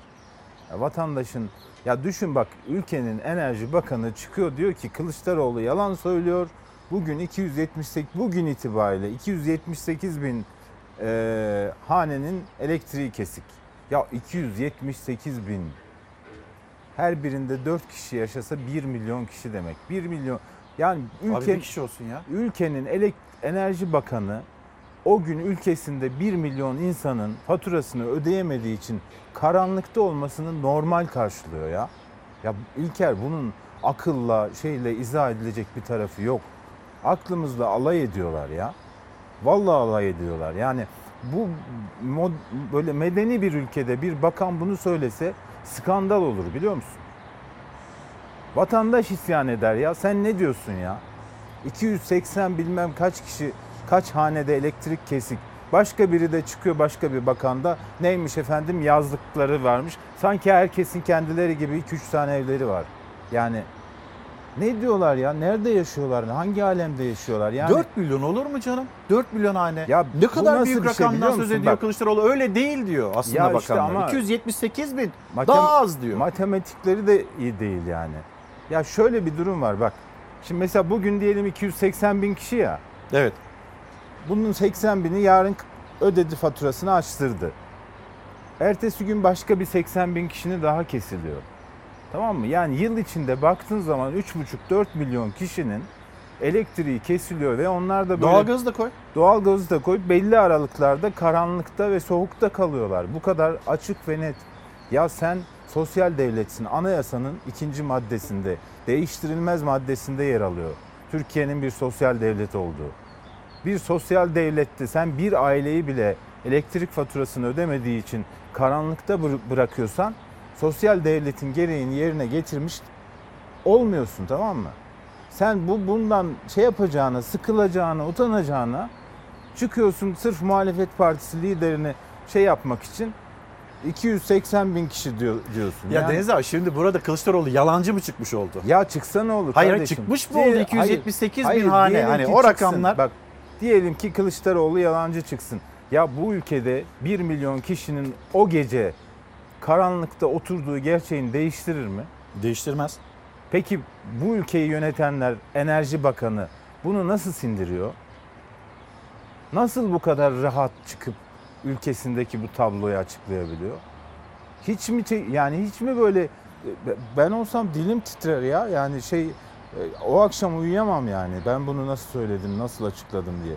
Gerçekten medeni bir ülkede bir enerji bakanı çıkıp ülkesinde o gün 278 bin kişinin elektriğinin faturası ödenmediği için kesildiğini açıklarsa utanır. Bu rakamın büyüklüğünden dolayı utanır. Bu ülkede iki tane gerçek var artık. Bir tanesi işsizlik ve hayat pahalılığı nedeniyle elektrik faturalarını ödeyemeyecek hale gelen insanlar yaşıyor bu ülkede. İkincisi de bu ülkede elektrik faturaları ödenemeyecek hale gelmiş. Daha olmuş. Daha olmuş. Geçen sene ödeyebilen bu sene ödeyemiyor. Çünkü astronomik zamlar yapılmış. korkunç zamlar yapıldı ya. %137 ne demek? Abi- Yani bir tek domates mi? Hadi o beyefendiyi dinledik. Dur o zaman Domates yemedik. Dur, dur, dur. Tamam bir saniye hemen araya e, gireyim. Yine devam edelim istiyorum Deniz abi. Şimdi hani Konya'dan yapılan açıklama bülten sorumlumuz Öznur Turoğluoğlu Seyhan da gönderdi. Ya, Turfan'da dönemde tamam pahalı. Bak şimdi geçen sene 31 Mart fiyatları Kumluca halinin fiyatlarını söyleyeceğim Deniz abi. 2020 tarihinde domates 1,5 lira hal fiyatı. 2021'de 3 lira 20 kuruş. 3 lira 20 kuruş. 2022'de 17. Şimdi bunu nasıl açıklayacak mesela bu açıklamayı yapan kişiler? Bunu nasıl izah edecek? Hangi gerçekle ama gerçekle lütfen yani nasıl izah edecek? Bak bir biber mesela 2020'de 5 liraymış halde çıkışı Kumluca Ali. 2021'de 5,5 lira dengeli diyelim hadi gene zam var da dengeli. E 2022'de 18. Sivri biber 2022'de 40 lira hal çıkışı 2020'de 8 lira. E bunu nasıl izah edeceksiniz mesela? Şimdi bir tarafa kötü, doğru değil, yalan denilmeye çalışılıyor ama e burada da gerçekler var. Yani biz sürekli algıyla mı oynayacağız? Gerçeği çarpıtarak mı, eğip bükerek mi yol alacağız? Ana muhalefet lideri Kemal Kılıçdaroğlu diyor ki bu ülkede 4 milyon hane elektrik alamıyor. 4 milyon hanenin elektriği kesik karanlıkta oturuyor. Çocuklar karanlıkta oturuyor diyor. Diyor ki Enerji Bakanı ya da Sanayi Bakanı Mustafa Varank. Olur mu canım öyle şey? 278 bin. Deniz abi doğru söylüyor. Bir kişi olsa 278 bin. İki kişi olsa yarım milyondan fazla. Üç kişi olsa neredeyse 1 milyon. Dört kişi olsa 1 milyondan fazla. Yani neyi nerede nasıl kötüleyeceğini de şaşırdı artık siyaset. Kılıçdaroğlu dün bir eve gitti. Bir anne hani bir sabır ekonomisi devam ediyor ya. Sabredin geçecek. 2023 bir gelsin o enflasyon zaten kalmayacak. O zaten dağılıp gidecek de bir sabır ekonomisi devam ederken Kılıçdaroğlu'nun konuk olduğu ev elektriği kesik ve 3 çocuk annesi ne söylüyor bir dinleyelim. 4 aydır elektriği kesin, kesik olan bir ailemizi, kardeşimizi ziyaret ettik. 3 evladı var. İçeride biraz konuştuk. Beni duygulandıran, gerçekten de biraz da üzen, derinden üzen söylemiş oldu. Büyük oğlum bugün 23 Nisan. Bütün arkadaşları okula gidiyor, eğleniyor, şarkılar söylüyor ama benim oğlum ağladı evde diye. Niye televizyonumuz yok, niye ışığımız yok diye. Biz sabır diliyorlar. Hani sabredin, susun diyorlar ama biz sabredemeyiz. Benim üç tane çocuğum bana sabırlı sabırlı olma, olamaz yani benim üç Evet. tane çocuğum. Benim üç çocuğum biri yetişmesi gerekecek. O elektriğin yanması lazım. O doğalgazın yanması lazım. Ee, benim çocuğum ders yapması lazım. Doğalgazda kesikti değil mi? Aynen. Doğalgazda kesikti. Çocuğum e, elektrikli oturması gerekiyor. Bu çocukların gelen ihtiyacı var, şu var. Ben tek adıma değil, benim gibi çok bir arkadaş var. Ben hepsinin sesi olmak istiyorum. Evet Deniz abi benim 3 çocuğum var. Sabırlı olamayız. Yani ba- bak yarın mesela bu hanımefendinin sorununu çözmek yerine bak görürsün işte şöyle çıktı, böyle çıktı, şu çıktı, bu çıktı diye. Şimdi araştırıyorlardır bir partiye Evet mensup evet mu yani diye. şu anda şu anda, şu anda onu araştırıyorlardır tamam mı? Yani bu bu bu sorunu çözmek yerine bu sorunu dile getirenlere çamur atmak üzerine kurgulanmış bir siyaset tarzları var. Ya herhalde Bülent Arınç falan da bu yüzden is- isyan ediyor. Yani bu gerçekten AK Parti'nin kurulduğu ilk yılları hatırla. Her şeyi böyle millet odaklı yapıyorlardı. Ya bu hanımefendi bu milletin bir parçası değil mi kardeşim? Bu, bu ülkenin vatandaşı. Sen eğer sosyal devletsen bu sorunu yaşat... Ha bir de şeyle övünüyorlar biliyorsun değil mi? Şu kadar aileye e, elektrik yardımı yaptık. Doğru. 4 Ya- milyon. Ya insanları yardıma muhtaç bırakmak... Aslında onu söylerken de bir ispat var ortada. Ya biz 4 milyon aile elektrik yardımı yapıyoruz. 4 milyon aile elektrik faturasını ödeyemiyor demektir bu zaten. Tabii tabii yani mi? ödeyemeyenler hariç bir de yani. Tabii. O, o rakamlar Ve hariç. destekleme. Yani şimdi sen nasıl bu duruma düştüğünü bir sorgula ya. Ya gerçekten hep haklı çıkmak diye bir şey yoktur. Siyasette bazen eksik kalırsın, yanlış yaparsın, sorunu çözemezsin. Biraz elini vicdanına koy ya. Ya Sayın Bakan gitsin Kılıçdaroğlu gibi cesur olsun. Bir gece evinde şeyi indirsin sigortayı. Elektriği açmasın bir gece. Baksın hayat nasıl zor. Buzdolabındaki gıda maddeleri bozuluyor. İşte e, televizyon izleyemiyorsun, internete bağlanamıyorsun. Dünyadan nasıl kopuyorsun? Tabii elektrikli işte su ısıtıcı varsa çalışmıyor vesaire falan. Yani bir, bir gün yapsın ya. Gerçekten Sayın Bakan'dan, Enerji Bakanı'ndan, Fatih Bey'den bunu rica ediyorum ben vatandaş olarak. E, evin girişindeki sigortayı indirsin. O gece kaldırmadan geçirsin 24 saat. Bu hanımefendiyle bir empati kursun. Üç tane çocukla empati kursun. Kemal Kılıçdaroğlu'na laf yetiştireceklerine bu insanların sorunlarını çözsünler. Millet onlardan bunu bekliyor. Siyaset bu değil. Siyaset birilerine laf yetiştirmek, böyle algıyla üste çıkmak falan sanatı değil. Siyaset insanların, milletin sorununa çözüm bulmak için yapılır. Zenginleşmek için değil, servetine servet katmak için değil. Siyasete giriyorsan kardeşim, elini hatta gövdeni taşın altına koymayı göze almışsın demektir. Yalanla dolanla işin olmaz. Siyasete girmişsen milletin sorununu çözmek için elinden geleni yapacaksın. O Enerji Bakanı'nın, o Ulaştırma Bakanı'nın gece gündüz yemeden içmeden bu 278 bin insanın faturası niye kesildi şeyi elektriği niye kesildi kesilmemesi için ne yapmalıyızı düşünmeleri lazım. Empati dedin abi. Anne baba emekli. Emeklinin geçimi. Bir beklentisi vardı ikramiye. Mesela o ikramiye boşa çıktı. Ee, sonra bir zam yapılacak gibi de söylemler oldu. Bir söz diğerini tekzip ediyor. Garip bir durum var yani ortada. Ne diyorlar mesela emekli olarak anne baba ne söylüyor sana? Ya şöyle biz ya bu bak bunu söylemek istemezdim ama yani bir çocuklar olmasa anneler babalar emekli maaşıyla yaşayamazlar İlker. Çok özür dileyerek söylüyorum. Ya çocukları destek olmazsa hele tek emekli maaşıyla yani ikisinden birinin maaşı yoksa evde sadece birinin bir- birinin maaşıyla geçiniliyorsa mümkün değil yani. Benim babam öğretmen emeklisi. 35 sene öğretmenlik yapmış. Gerçekten aldığı maaşla şu Ankara'da geçinemez. Kirasını ödeyemez, faturasını ödeyemez. Üzüldüm abi ben sana bu soruyu sorduğum için. Yani gerçekten üzücü bir durum. Ya bunu, Ben de bunu- üzüldüm bu bunu- soruyu sorduğum Bunu için. söylemek zorunda kalmak da kötü bir şey. Yani e, Bence söyleyeceğimizi söyledik. Bir başka konuya geçelim mi? Ee, gazete Pencere, Gazete Pencere'de Erdoğan Bayraktar. Deniz abi konuştuk. Sen yokken ben de yayında hatırlattım. Demiştin ki sen ilk hani o dönemde konuştuğunda, sonbaharda konuştuğunda İlker devam edecek konuşmaya. Tabii, Durmayacak, susmayacak demiştin. Şimdi dün de sosyal medya üzerinden Atatürk'le ilgili bir video paylaştı. Ve Atatürk'ün aslında topluma ne kadar yanlış anlatıldığı, tanıtıldığını ve seneler sonra işte bunu düzeltme çabasını görüyoruz biz Erdoğan Bayraktar'da ve Erdoğan'a yani yola siyasete birlikte böyle devam ettiği e, arkadaşına, dostuna dair de mesajları vardı. İslam'ın güncellenmesi gerekiyor sözlerine yönelik bir e, yüklenişi diyelim Erdoğan Bayraktar'ın. Ne demişti Erdoğan Bayraktar? Dosyamda ne varsa doğrudur demişti. Ve ben rüşvet almadım. 8 yıldır boğazımda bir düğün var. Ne içersem içeyim. Yiyemiyorum, yutamıyorum, sindiremiyorum. Tarafsız savcı istemişti. Mutlaka bu dosya incelensin de- demişti. Gerekirse ben Yüce Divan'a giderim. Gitmekten korkanlar düşünsün demişti.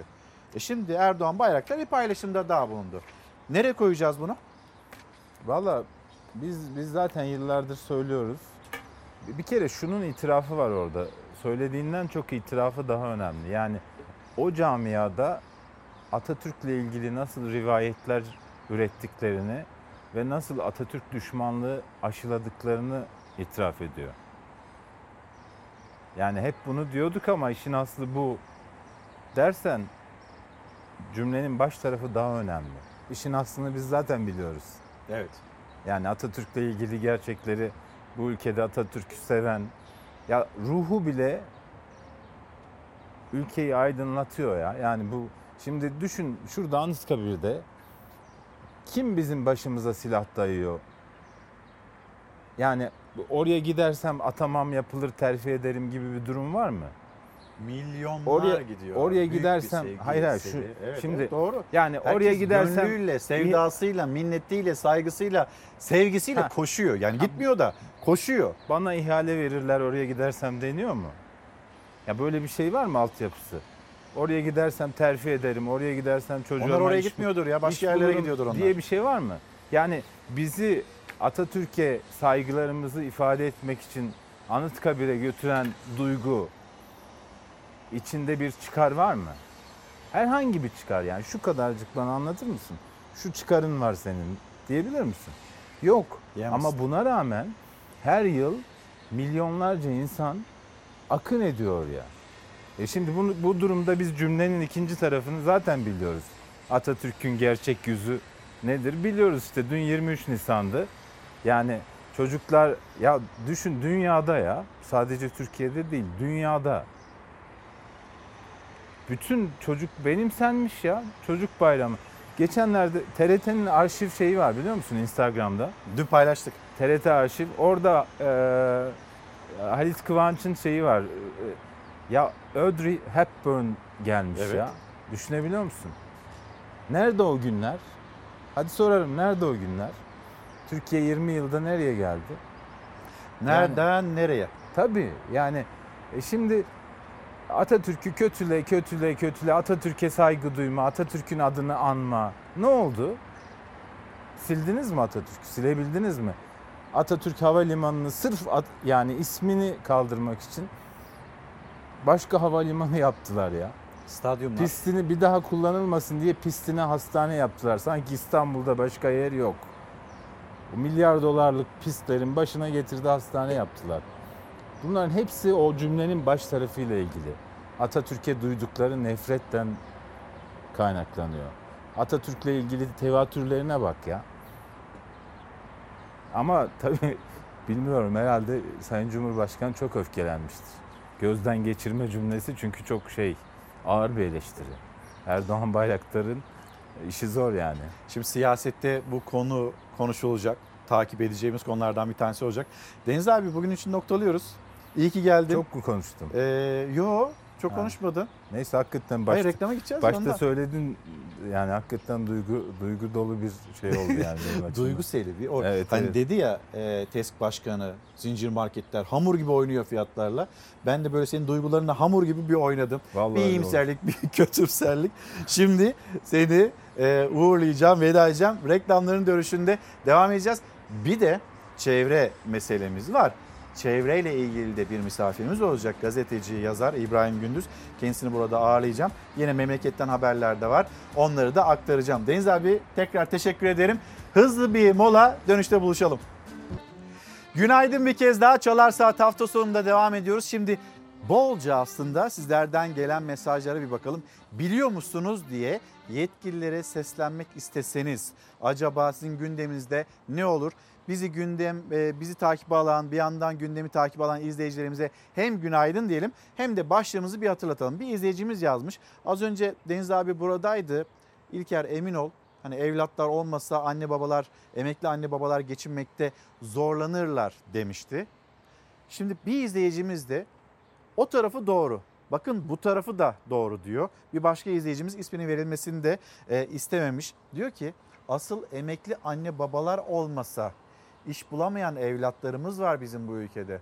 Onlar olmasa evlatlarımız geçinemeyecek. Bu da lütfen aklınızın bir köşesinde olsun. Bakın ne durumdayız? Hani bunu acaba bizi yönetenler 2 kilo değil de 1 kilo, 1 kilo değil de yarım kilo alıverin diyenler ne kadar biliyor ne kadar farkında. Biliyor musunuz anneler babalar ne yaşıyor ne hissediyor işsizlik konusunda? İşte emekli ne yaşıyor, asgari ücretli ne yaşıyor? Siz ne kadar biliyorsunuz? Bir çıksanız da sokağa, çarşı, pazara çıksanız da vatandaşın arasına çıksanız da bir görseniz bir anlasanız diyen izleyicilerimiz var. EYT'liyi bir anlasanız verilen sözler. 3600 ek göstergeliği hani o göstergeyi sözünde verdiğiniz bir anlayı verseniz diyen izleyicilerimiz var. Toplu olarak hatırlatmış olayım istedim. Şimdi çocuklarımız heyecanı, onların heyecanı, onların mutluluğu dün 23 Nisan'dı. Büyük bir coşkuyla da kutlandı her yerde. aslında. E bugün de devam edelim o kutlamalardan, o görüntülerden devam edelim. Türkiye Büyük Millet Meclisi ağırladığı çocuklar vardı. Türkiye Büyük Millet Meclisi'nin yine etkinlikler vardı. Hemen bir bakalım geri dönelim.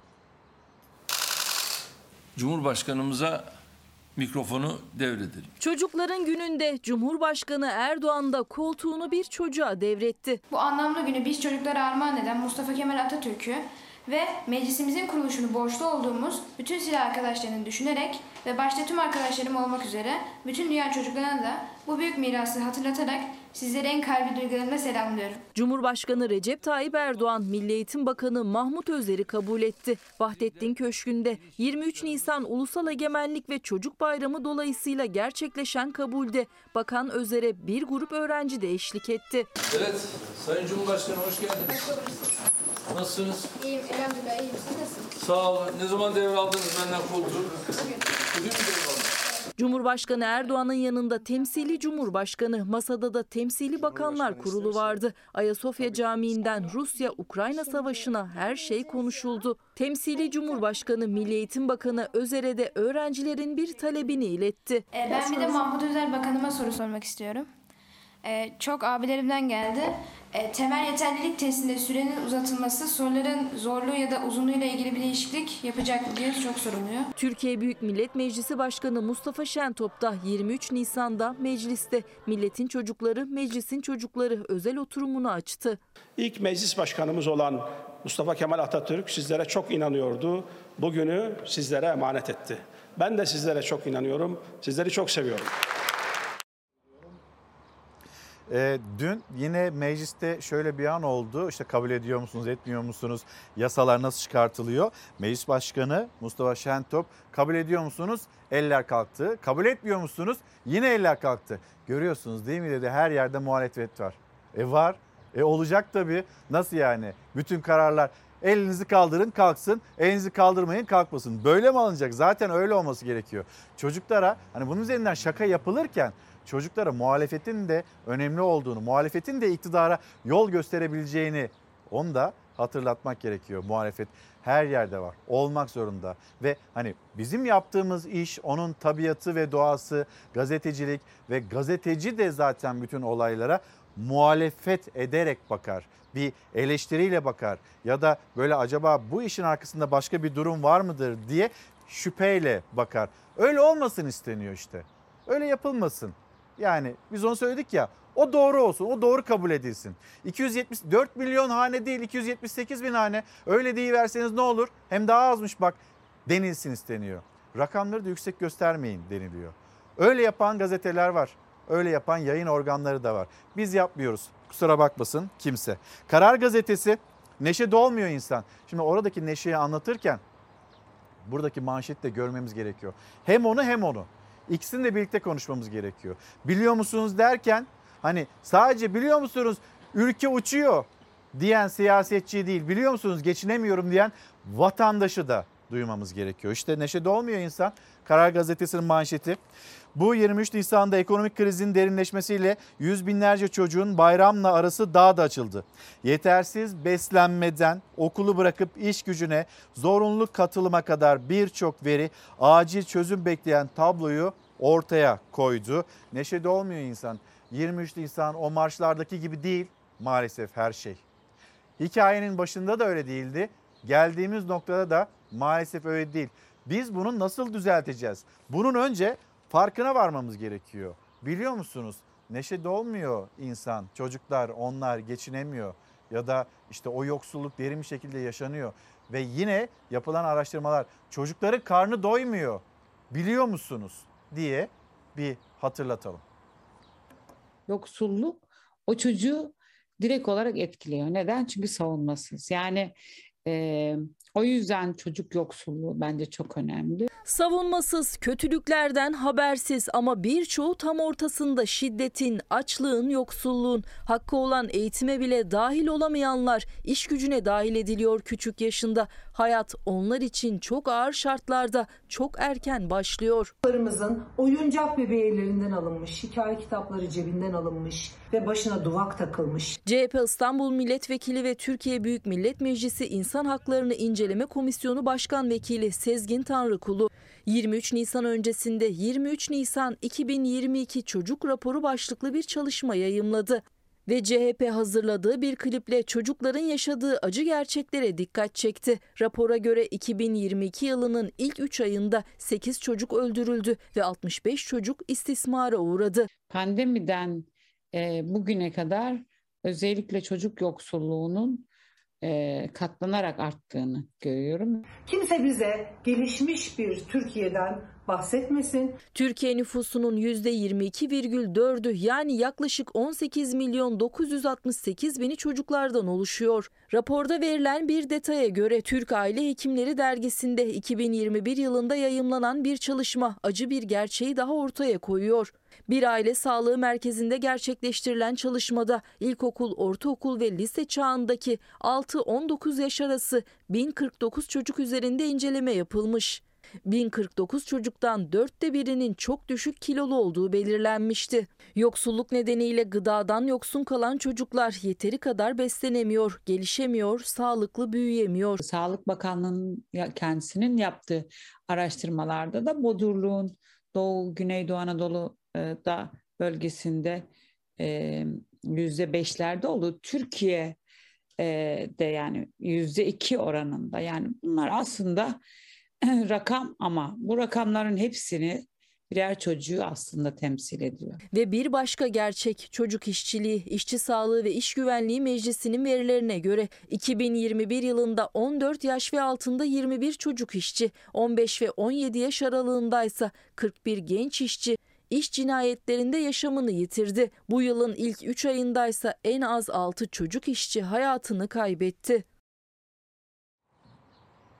Şimdi belki dün akşam takip ettiğiniz, takip edemediniz ama o haber şöyle bir ifadeyle, ifadeyle bitiyordu. Bu kadar olmaz, bu kadar pahalılık olmaz diye. Hemen bir bakalım hem böyle kiracı ve ev sahibi onlar karşı karşıya nasıl geliyor. Bir de kiracı davranışları da değişti. Maalesef onlar böyle beyaz eşya pahalı ya da evin araç gereçleri pahalı olduğu için daha çok eşyalı kiralama yöntemine gidiyor. Geçen sene ne kadardı eşyalı e, daireler? Şimdi ne kadar? Benim şu an tuttuğum ev eşyalı mesela. Ben de baktım mesela ev tutarken. Dedim ki hani eşyasız mı eşyalı mı? İlk önce eşyasızlara ama bir dolabın, buzdolabının, bir televizyonun ya da farklı bir şeyin fiyatları yanına yakışmıyor şu anda. Bu sefer de eşyalı yere yöneliyorsun. Aydın küçük asgari ücretli bir çalışan boş bir daire tutsa evin içine gereken mobilya ve beyaz eşya almaya yetmeyecekti geliri. Eşyalı bir daire kiralamak zorunda kaldı. Aydın Küçük'ün yeni evlenecek arkadaşı da benzer bir durumu yaşıyor. Yeni evlenecekler eşyalı daire tutup hani eşyalardan hiç olmazsa hani birkaç sene sonra kendinden biraz daha toparlayıp hatta altınlarını satıp eşya almaya düşünüyorlar.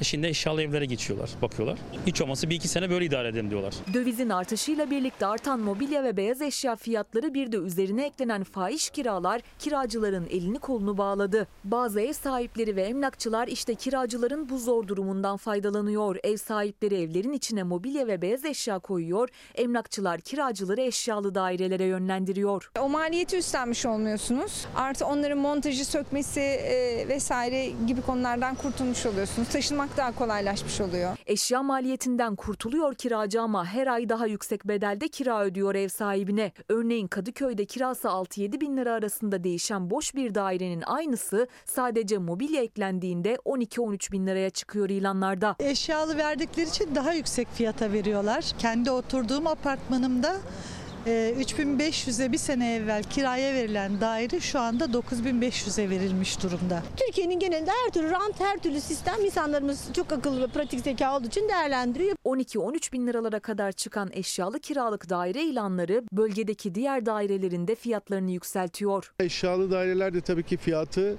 ister istemez arttırıyor. Arz yok, çok fazla talep var. Fiyatlar da ondan anormal şekilde yükseldi. Deprem yaşandı, krizler oldu.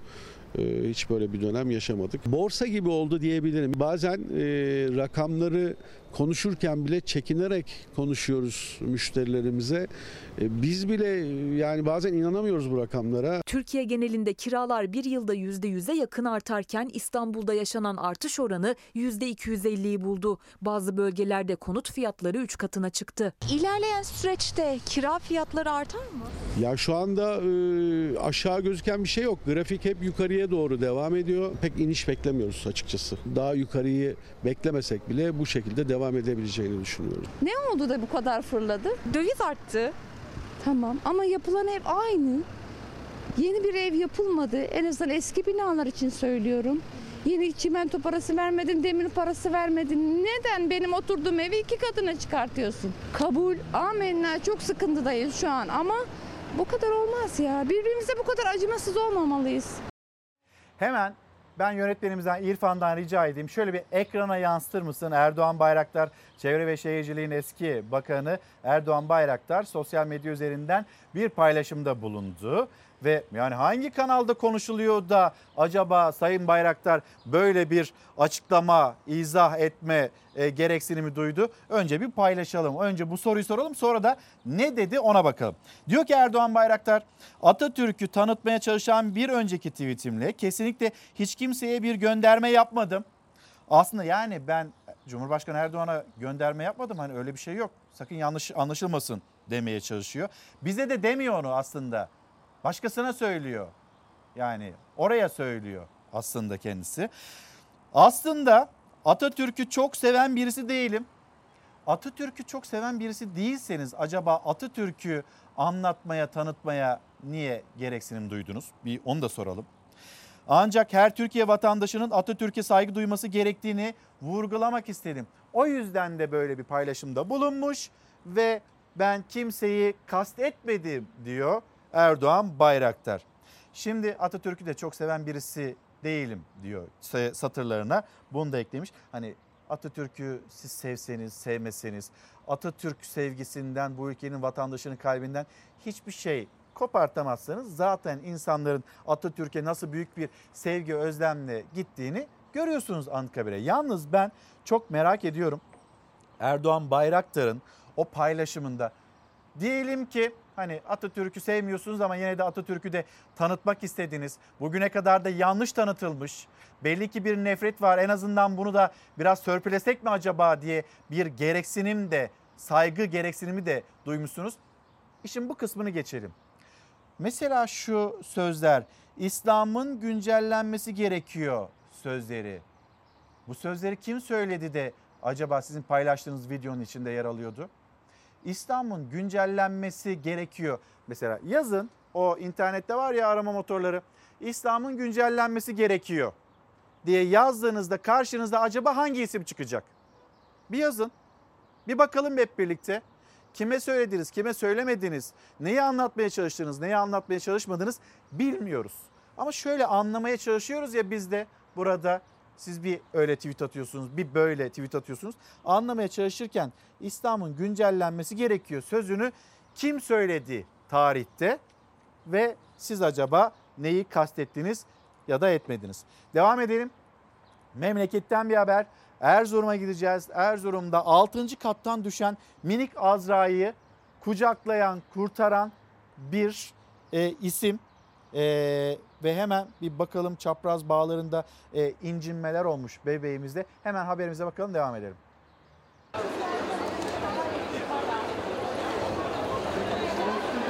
Görür görmez koştu. 6. kattan düşen çocuğu hayatta tuttu.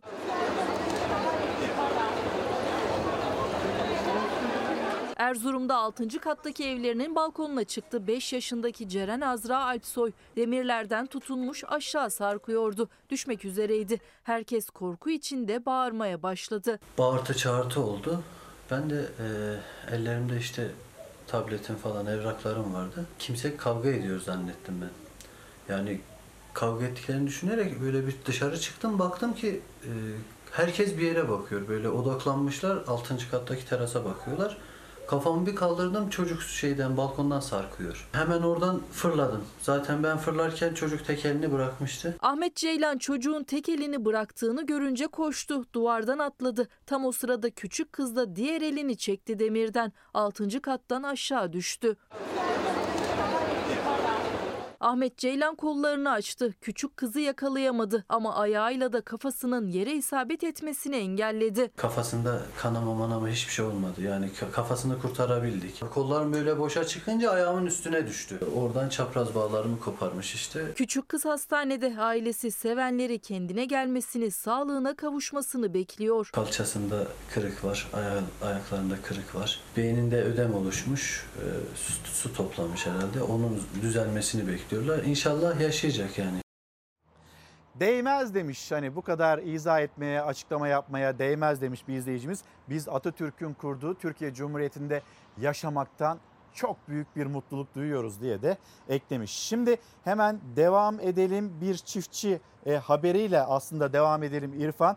E, hem Çanakkale'den hem memleketin çeşitli yerlerinden gelen haberler bunlar aynı zamanda ve yine Çanakkale'den gelen haber kaynağını da söyleyelim ki kimseye de haksızlık olmasın. Çünkü elimizden geldiğince o ajansların da ayakta kalması gerektiğini, yerelden de o haberlerin ulusal e, kanallara ulaşması gerektiğini düşünüyoruz. Çanakkale Hibya Haber Ajansı'ndan Mehmet Bayer'in hazırladığı bir haberdi. Hemen sizinle paylaşalım.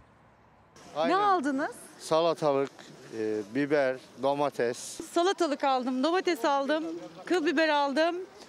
İki tane fasulye aldım. iki tane kabak aldım. Ve her birini 3 lira 25 kuruşa aldı. Alışveriş sepetleri doldu taştı. Tabii sebzeler değil, sebzelerin fidesi kapış kapış satıldı. Ürün olarak biber 28 lira mı öyle bir şey. Geçen 4 tane domates 40 lira. Yani domatesin tanesi 10 lira. Markette reyonlara pahalılıktan yanaşamayan bahçe marketlere akın etti. Pazardan eli boş çıkanların elleri o alamadıkları ürünlerin fideleriyle doldu. Millet üretim yapmayınca üretime yönleniyorsun. Patlıcan olmuş 10 lira. Mecburen üretmeyi e, balkonda, saksıda olmuyor da işte. Umut dünyası. İstanbul Büyükşehir Belediyesi'nin bahçe marketlerinde son günlerde bu yoğunluğun nedeni fideler. Tezgahta domates, salatalık, biber, fasulye ve patlıcan fideleri adeta yok satıyor. Çiftçi artan maliyet karşısında toprağına ekemez durumdayken pahalılıktan şikayet eden tüketici işte bu nedenle bulduğu en ufak toprağı ve hatta saksıyı bile değerlendirmeye çalışıyor. Patlıcanı nerede yetiştireceksiniz?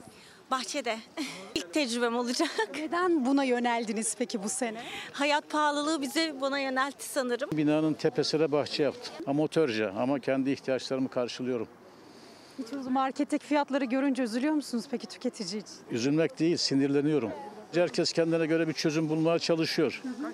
Ama bu bireysel. Ülke çapında bunu düşünmek lazım. Çanakkale Belediyesi de yerel tohumların gelecek kuşaklara aktarılabilmesi için bir çalışma başlattı. 5500 fidan kentlilerle buluşturuldu. İşte tarım böyle bir şey. Ee, Biz zaten millet olarak toprağa meraklıyızdır. Halk bahçesinde düzenlenen fide dağıtım etkinliğine ilgi büyüktü. Milletimiz biliyorsunuz yani gerçekten çok hevesli e, yetiştirmeye. Ya bu insanlar ekecek demek yerleri var. Saksıya mı ekecek artık nereye ekecek? Bu yıl bayağı bir zorlanmaya başladık. Yem fiyatları, iki yıldan beri daha doğrusu pandemi girdiğinden beri yem fiyatları bizim belimizi büküyor. Yine de sevdiğimiz için baba mesleği bu bizim. Fakat zorlanmaktan öte gidemiyoruz şu an. Koyunları arabamla otluğa nereye götürme çaresi bulduk. Biraz yemlerden, masraflardan kısmak adına. Biraz da bahar çok güzelmiş. Yani Allah yardım ediyor yani. Bu yardım etmese de Allah yardım ediyor. Bahar güzel geldi. Vallahi ben şimdi burada bu kuzular gelip geçici. Şunları heves ettik. 14 tane 15 tane. Bende 14 tane var. Beni bile zorluyor. Ama bunun yanında 100 tane, 140 tane, 50 tane, 60 tane olan e, bu işe gönül vermiş arkadaşlarımız var. Allah bunlara kolaylık versin.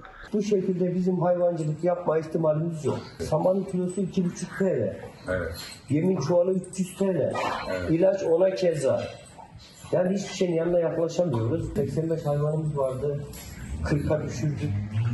Ama böyle giderse 3 ay sonra bu çiftliği de kapatacağız. Yani burada 350 lira destekle bu, bu iş zor yapılır yani. vatandaşa fide dağıtımı aşamasındayız. Aynı zamanda besiciler taşımalı otlatma aşamasına geçti. Yani hayvancılıkta neredeyiz? Biliyor musunuz sevgili yetkililer? Bir mottomuz var yani. Yeni mottomuz her yere ekeceğiz. Dağ taşı her yere ekeceğiz. İşte şu anda hayvancılıkta geldiğimiz yer burası. Bir sağlık haberiyle devam edelim. Pandemi şartlarından dolayı hepimiz kapalı kaldık. Dış mekanlarla ve hareketten uzak kaldık. Hem e, çocuklarımız hem bizler açısından masa başında geçirdiğimiz saatler arttı. Buna bağlı olarak da omurga ile ilgili problemlerin sıklığı oldukça arttı. Covid-19 pandemisinin karantina döneminin ardından omurga sorunları daha fazla ortaya çıktı. Hareketsiz kalınan karantina günleri sonucu bel fıtığı, duruş bozukluklarına bağlı ağrılar arttı. Ortopedi ve travmatoloji uzmanı Profesör Doktor Meriç Enercan yaşanan sorunlardan kolayca kurtulmanın mümkün olduğunu anlattı. Son teknolojiyi kullanarak minimal invazif cerrahi ile endoskopik sistemle disk herniyasyonu dediğimiz bel fıtığı problemine en e, etkin ve en e, kısa sürede tedavi edebiliyoruz. Hastayı 4-6 saat gibi kısa bir süre sonra mobilize edip hareketlendirip e, en fazla bir gece misafir ettikten sonra günlük hayata geri verebiliyoruz. Artık yurt dışına tedavi e, için hastalarımızın gitmesine gerek kalmıyor. Aksine yurt dışından başka yerlerde ameliyat edilmesi mümkün olmayan hastalar kliniğimize başvurup başarılı şekilde tedavi edilebiliyor. Ortopedi, omurga hastalıklarının tedavilerinde en gelişmiş ülkelerden biri oldu Türkiye. Salgın döneminde hareketsizlik yüzünden artan bel ve omurga hastalıklarının tedavisini öğrenmek için Türkiye'ye geldi doktorlar. Almanya, Polonya, Bahreyn, Birleşik Arap Emirlikleri, Kazakistan, Özbekistan, Azerbaycan ve Irak'tan 50'den fazla katılımcıyla omurga cerrahisiyle ilgilenen ortopedi uzmanları, beyin cerrahları uluslararası bir sempozyumda buluştu. Toplantımızın ana konusu endoskopik cerrahi. En az travma ile omurgaya ulaşıp oradaki problemi minimal invaziv dediğimiz tekniklerle çözme şansına sahibiz. Meslektaşlarımızla bu konuyla ilgili deneyimlerimizi karşılıklı olarak paylaştık. Tam endoskopik sistemi kullanarak bel fıtığı ve dar kanal problemlerinin tedavisini Türk doktorlar yabancı meslektaşlarına anlattı. Geliştirdiğimiz teknikleri de uluslararası platformda e, meslektaşlarımızla karşılıklı olarak paylaşarak e, hastalarımıza e, daha iyi hizmet verdiği inancındayız. Ülkemizin yetiştirdiği çok değerli hocalarımız, hekimlerimiz mevcut. Artık uluslararası platformda en üst düzey uluslararası derneklerde hocalarımız yöneticilik yapıyorlar. Bizim de hastanemizde, kurumumuzda Sayın Profesör Doktor Hamzaoğlu hocamızın başkanlığında omurga cerrahi hastalıkları ile ilgili hizmeti verebiliyoruz.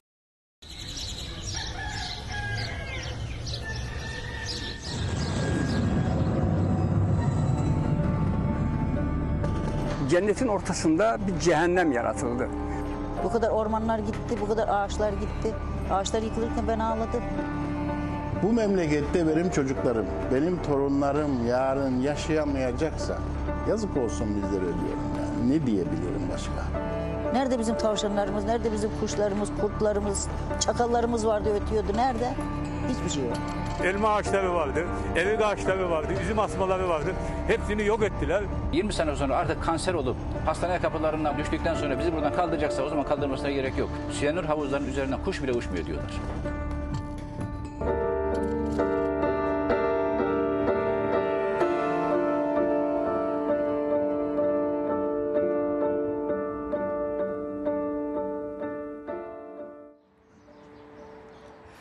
Efendim e, gazeteci taraftır.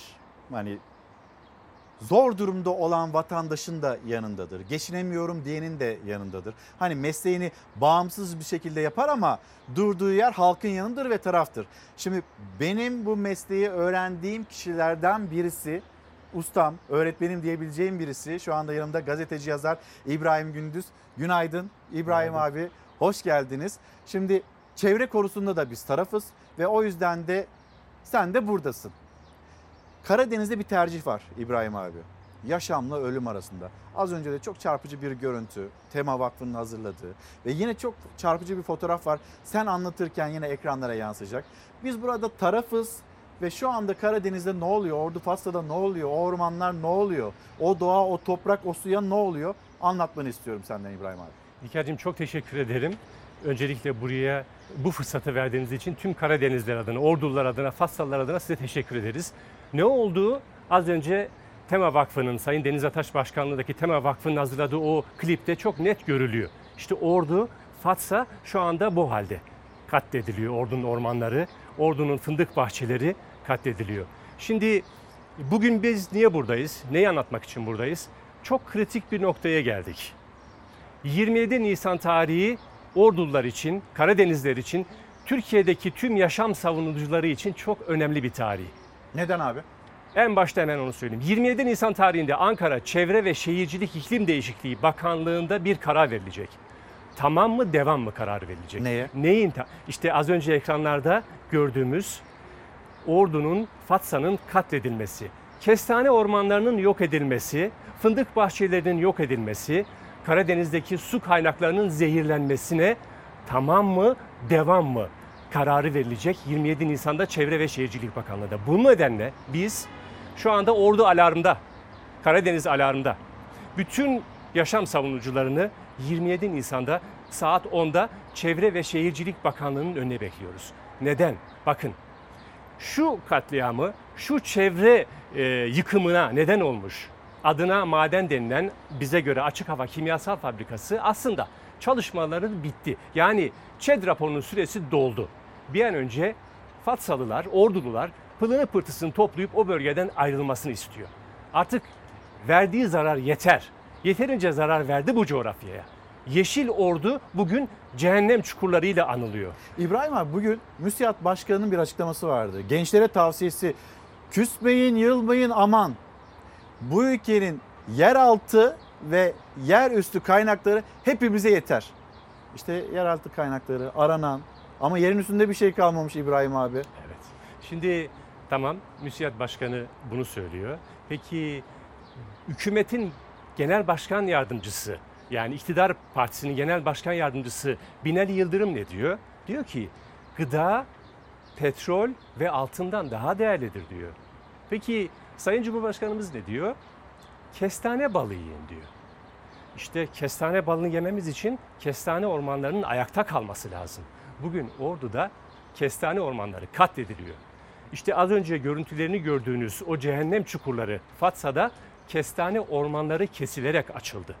Şimdi az önce de söylediğim gibi ÇED süresi doldu. Bir an önce o bölgeyi terk etmesi gerekiyor. Yeterince zarar verildi Karadeniz'e, Ordu coğrafyasına, Yeşil Ordu'ya yeterince zarar verildi. İbrahim Ama abi yeniden o görüntülerde ekranlarda yani tam olarak biz neyi Evet. konuşuyoruz? 27 Nisan tarihinde e, o verilecek karar nereye daha götürür Karadeniz'i onu konuşuyoruz. Onu aslında. konuşuyoruz evet. Yani şu şimdi şirket yeni chat başvurusunda bulundu. Diyor ki ben diyor bu yıkımı iki katına çıkarmak istiyorum diyor. Ben diyor daha fazla fındık bahçelerini kesmek istiyorum diyor. Daha fazla binlerce kestane ormanını kesmek istiyorum diyor. Karadeniz'in sularını zehirlemek istiyorum diyor. Evet yeni ÇED raporu ne getiriyor biliyor musunuz? Fatsa'nın tepesine bakın Fatsa'ya 5 dakika mesafede şu anda ekranlarda gördüğünüz adına altın madeni denilen yıkım merkezi Fatsa'ya 5 dakika mesafede. Abi bu ekonomik bir değer mi?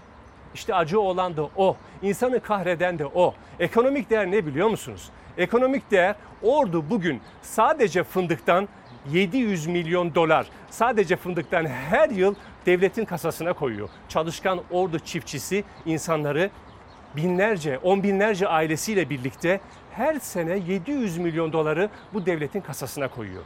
2 milyar dolar genel olarak fındık geliri var Türkiye'nin her sene. Ordu 700 milyon dolar. Peki bugün az önce ekranlarda gördüğünüz iki katına büyümek isteyen Fatsa'daki bu yıkım merkezi ne sağlıyor devlete? Yüzde iki. Bunlar devletin resmi rakamları. Enerji ve Tabii Kaynaklar Bakanlığı'nın rakamları. Yüzde iki. Bakın bir yanda 700 milyon dolar bir yanda bu şirketin devlete sağladığı yılda 1 milyon 2 milyon dolar. Bir yanda on binlerce insan aileleriyle beraber geçimini sağladığı bir sistem var orada. Bir yanda da efendim 50 kişiye 100 kişiye istihdam sağlıyoruz. Böyle bir şey olabilir mi İlker? Böyle bir mantık olabilir mi? Değer Ama ne mi? yazık ki e, özür dilerim. Ne- Değer mi? Değer mi? Ne yazık ki bu sadece Fatsa ile Ordu'yla da sınırlı değil. Ne yazık ki bu Çanakkale'de de aynen böyle yaşanıyor. Ne yazık ki Erzincan, İliç'te de böyle aynı şekilde yaşanıyor. Ne yazık ki Akbelen ormanlarında da bu şekilde yaşanıyor. O, o zaman İbrahim abi buradaki çağrı ne? Buradaki çağrı. Çağrımız şu. Bakın e, bir savaş başladı kuzeyimizde. E, Rusya Ukrayna'yı işgal etme savaşı başlattı. E, binlerce insan hayatını kaybediyor. Büyük acılar yaşanıyor. Savaş başladığı anda biz ne konuşmaya başladık İlker? Gıda. Gıdayı konu, buğdayı konuşmaya başladık. Efendim acaba ekmeksiz mi kalacağız, buğdaysız mı kal? Ayçiçek yağımız kalmayacak mı acaba, gelmeyecek mi diye. Bakın biz ayçiçek yağını Ukrayna'dan almaya başlamışız. Biz buğdayı Rusya'dan, Ukrayna'dan almaya başlamışız. Peki neden? Bizim buğday üretecek, ayçiçek yağı üretecek, fındık üretecek, zeytin üretecek tarlalarımız var. Çok değerli, çok verimli. Şimdi ne yapıyoruz biz bunları? Madencilik yapıyoruz diye birilerine ruhsatlıyoruz. Bakın tehlike çok büyük. Tema Vakfı'nın yine çok değerli bir çalışması var. Bugün 24 ilde tam 20 bin ruhsat verilmiş durumda birilerine. Ruhsat dedikleri ne biliyor musunuz? Milletin dağları, yaylaları, meraları, ormanları, köyleri birilerine peşkeş çekiliyor. Bu kadar net. O köyler haritadan siliniyor. İşte biz bunu Fatsa'da yaşıyoruz. Bu şirket, tekrar Fatsa'ya dönmek istiyorum Evet. izin verirseniz. Bu şirket, Fatsa'daki şirket bu madeni iki katı büyütmek istiyor. En acısı da Fatsa'nın 250 metre tepesine tam 50 metre derinliğinde 3 milyon metreküplük bir 3 milyon metreküplük bir zehir barajı inşa etmek istiyor. Düşünebiliyor musunuz? Bunu nereye inşa etmek istiyor? Ordu gibi, Karadeniz gibi yağış ikliminin çok yüksek olduğu bir yere. Karadeniz'de heyelanların çok e, yaşandığı bir yere bu 3 milyon metreküplük zehir barajını inşa etmeye çalışıyor. Yani tehlike hem Karadeniz için hem Fatsalılar için hem de Ordu için çok büyük. Bunun için 27 Nisan'da Çevre Şehircilik ve İklim Değişikliği Bakanlığı'nda bu ikinci ÇED raporu mutlaka ve mutlaka reddedilmelidir. Bu bütün orduların, bütün Karadenizlerin, bütün yaşam savunucuların isteğidir. Biz bunun böyle çıkacağına inanıyoruz, inanmak istiyoruz. İbrahim abi çok teşekkür ederim. Geldiğin için, Karadeniz'de ne yaşandığını ve aynı zamanda sadece Karadeniz değil, Ordu değil, Fasla değil, işte ne bileyim Erzincan, memleketin her yeri, Çanakkale ve orada bekliyor şirketler. Şunu da duyduk biz İbrahim abi. Ee, e, senelerdir bekliyoruz, 30 yıldır bekliyoruz. E bir 3 ay daha bekleyiveririz diyen, böyle yaklaşan ama yerin üstünün çok daha kıymetli olduğunu bilen insanların karşısına böyle yukarıdan bir bakış açısıyla yaklaştığını da biliyoruz. Olmasın diye biz de bu konuda tarafız. Ben de o yüzden seni davet ettim. İyi ki de geldin İbrahim abi. Çok ama çok teşekkür ediyorum. Biz çok çok teşekkür ediyoruz bu fırsatı verdiğiniz için. Çok sağ ol abi. Şimdi hemen hızlı bir şekilde reklamlara gideceğiz. Son sözlerimiz için de geri döneceğiz.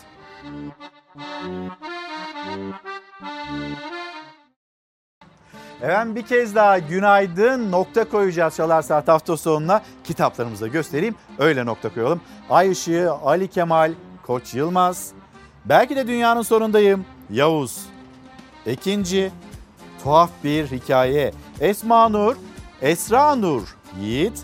Seda Eroğlu vazgeçmediğin sürece zorluklar geçicidir diyor kitabında. Bir de anahtar var kapağında.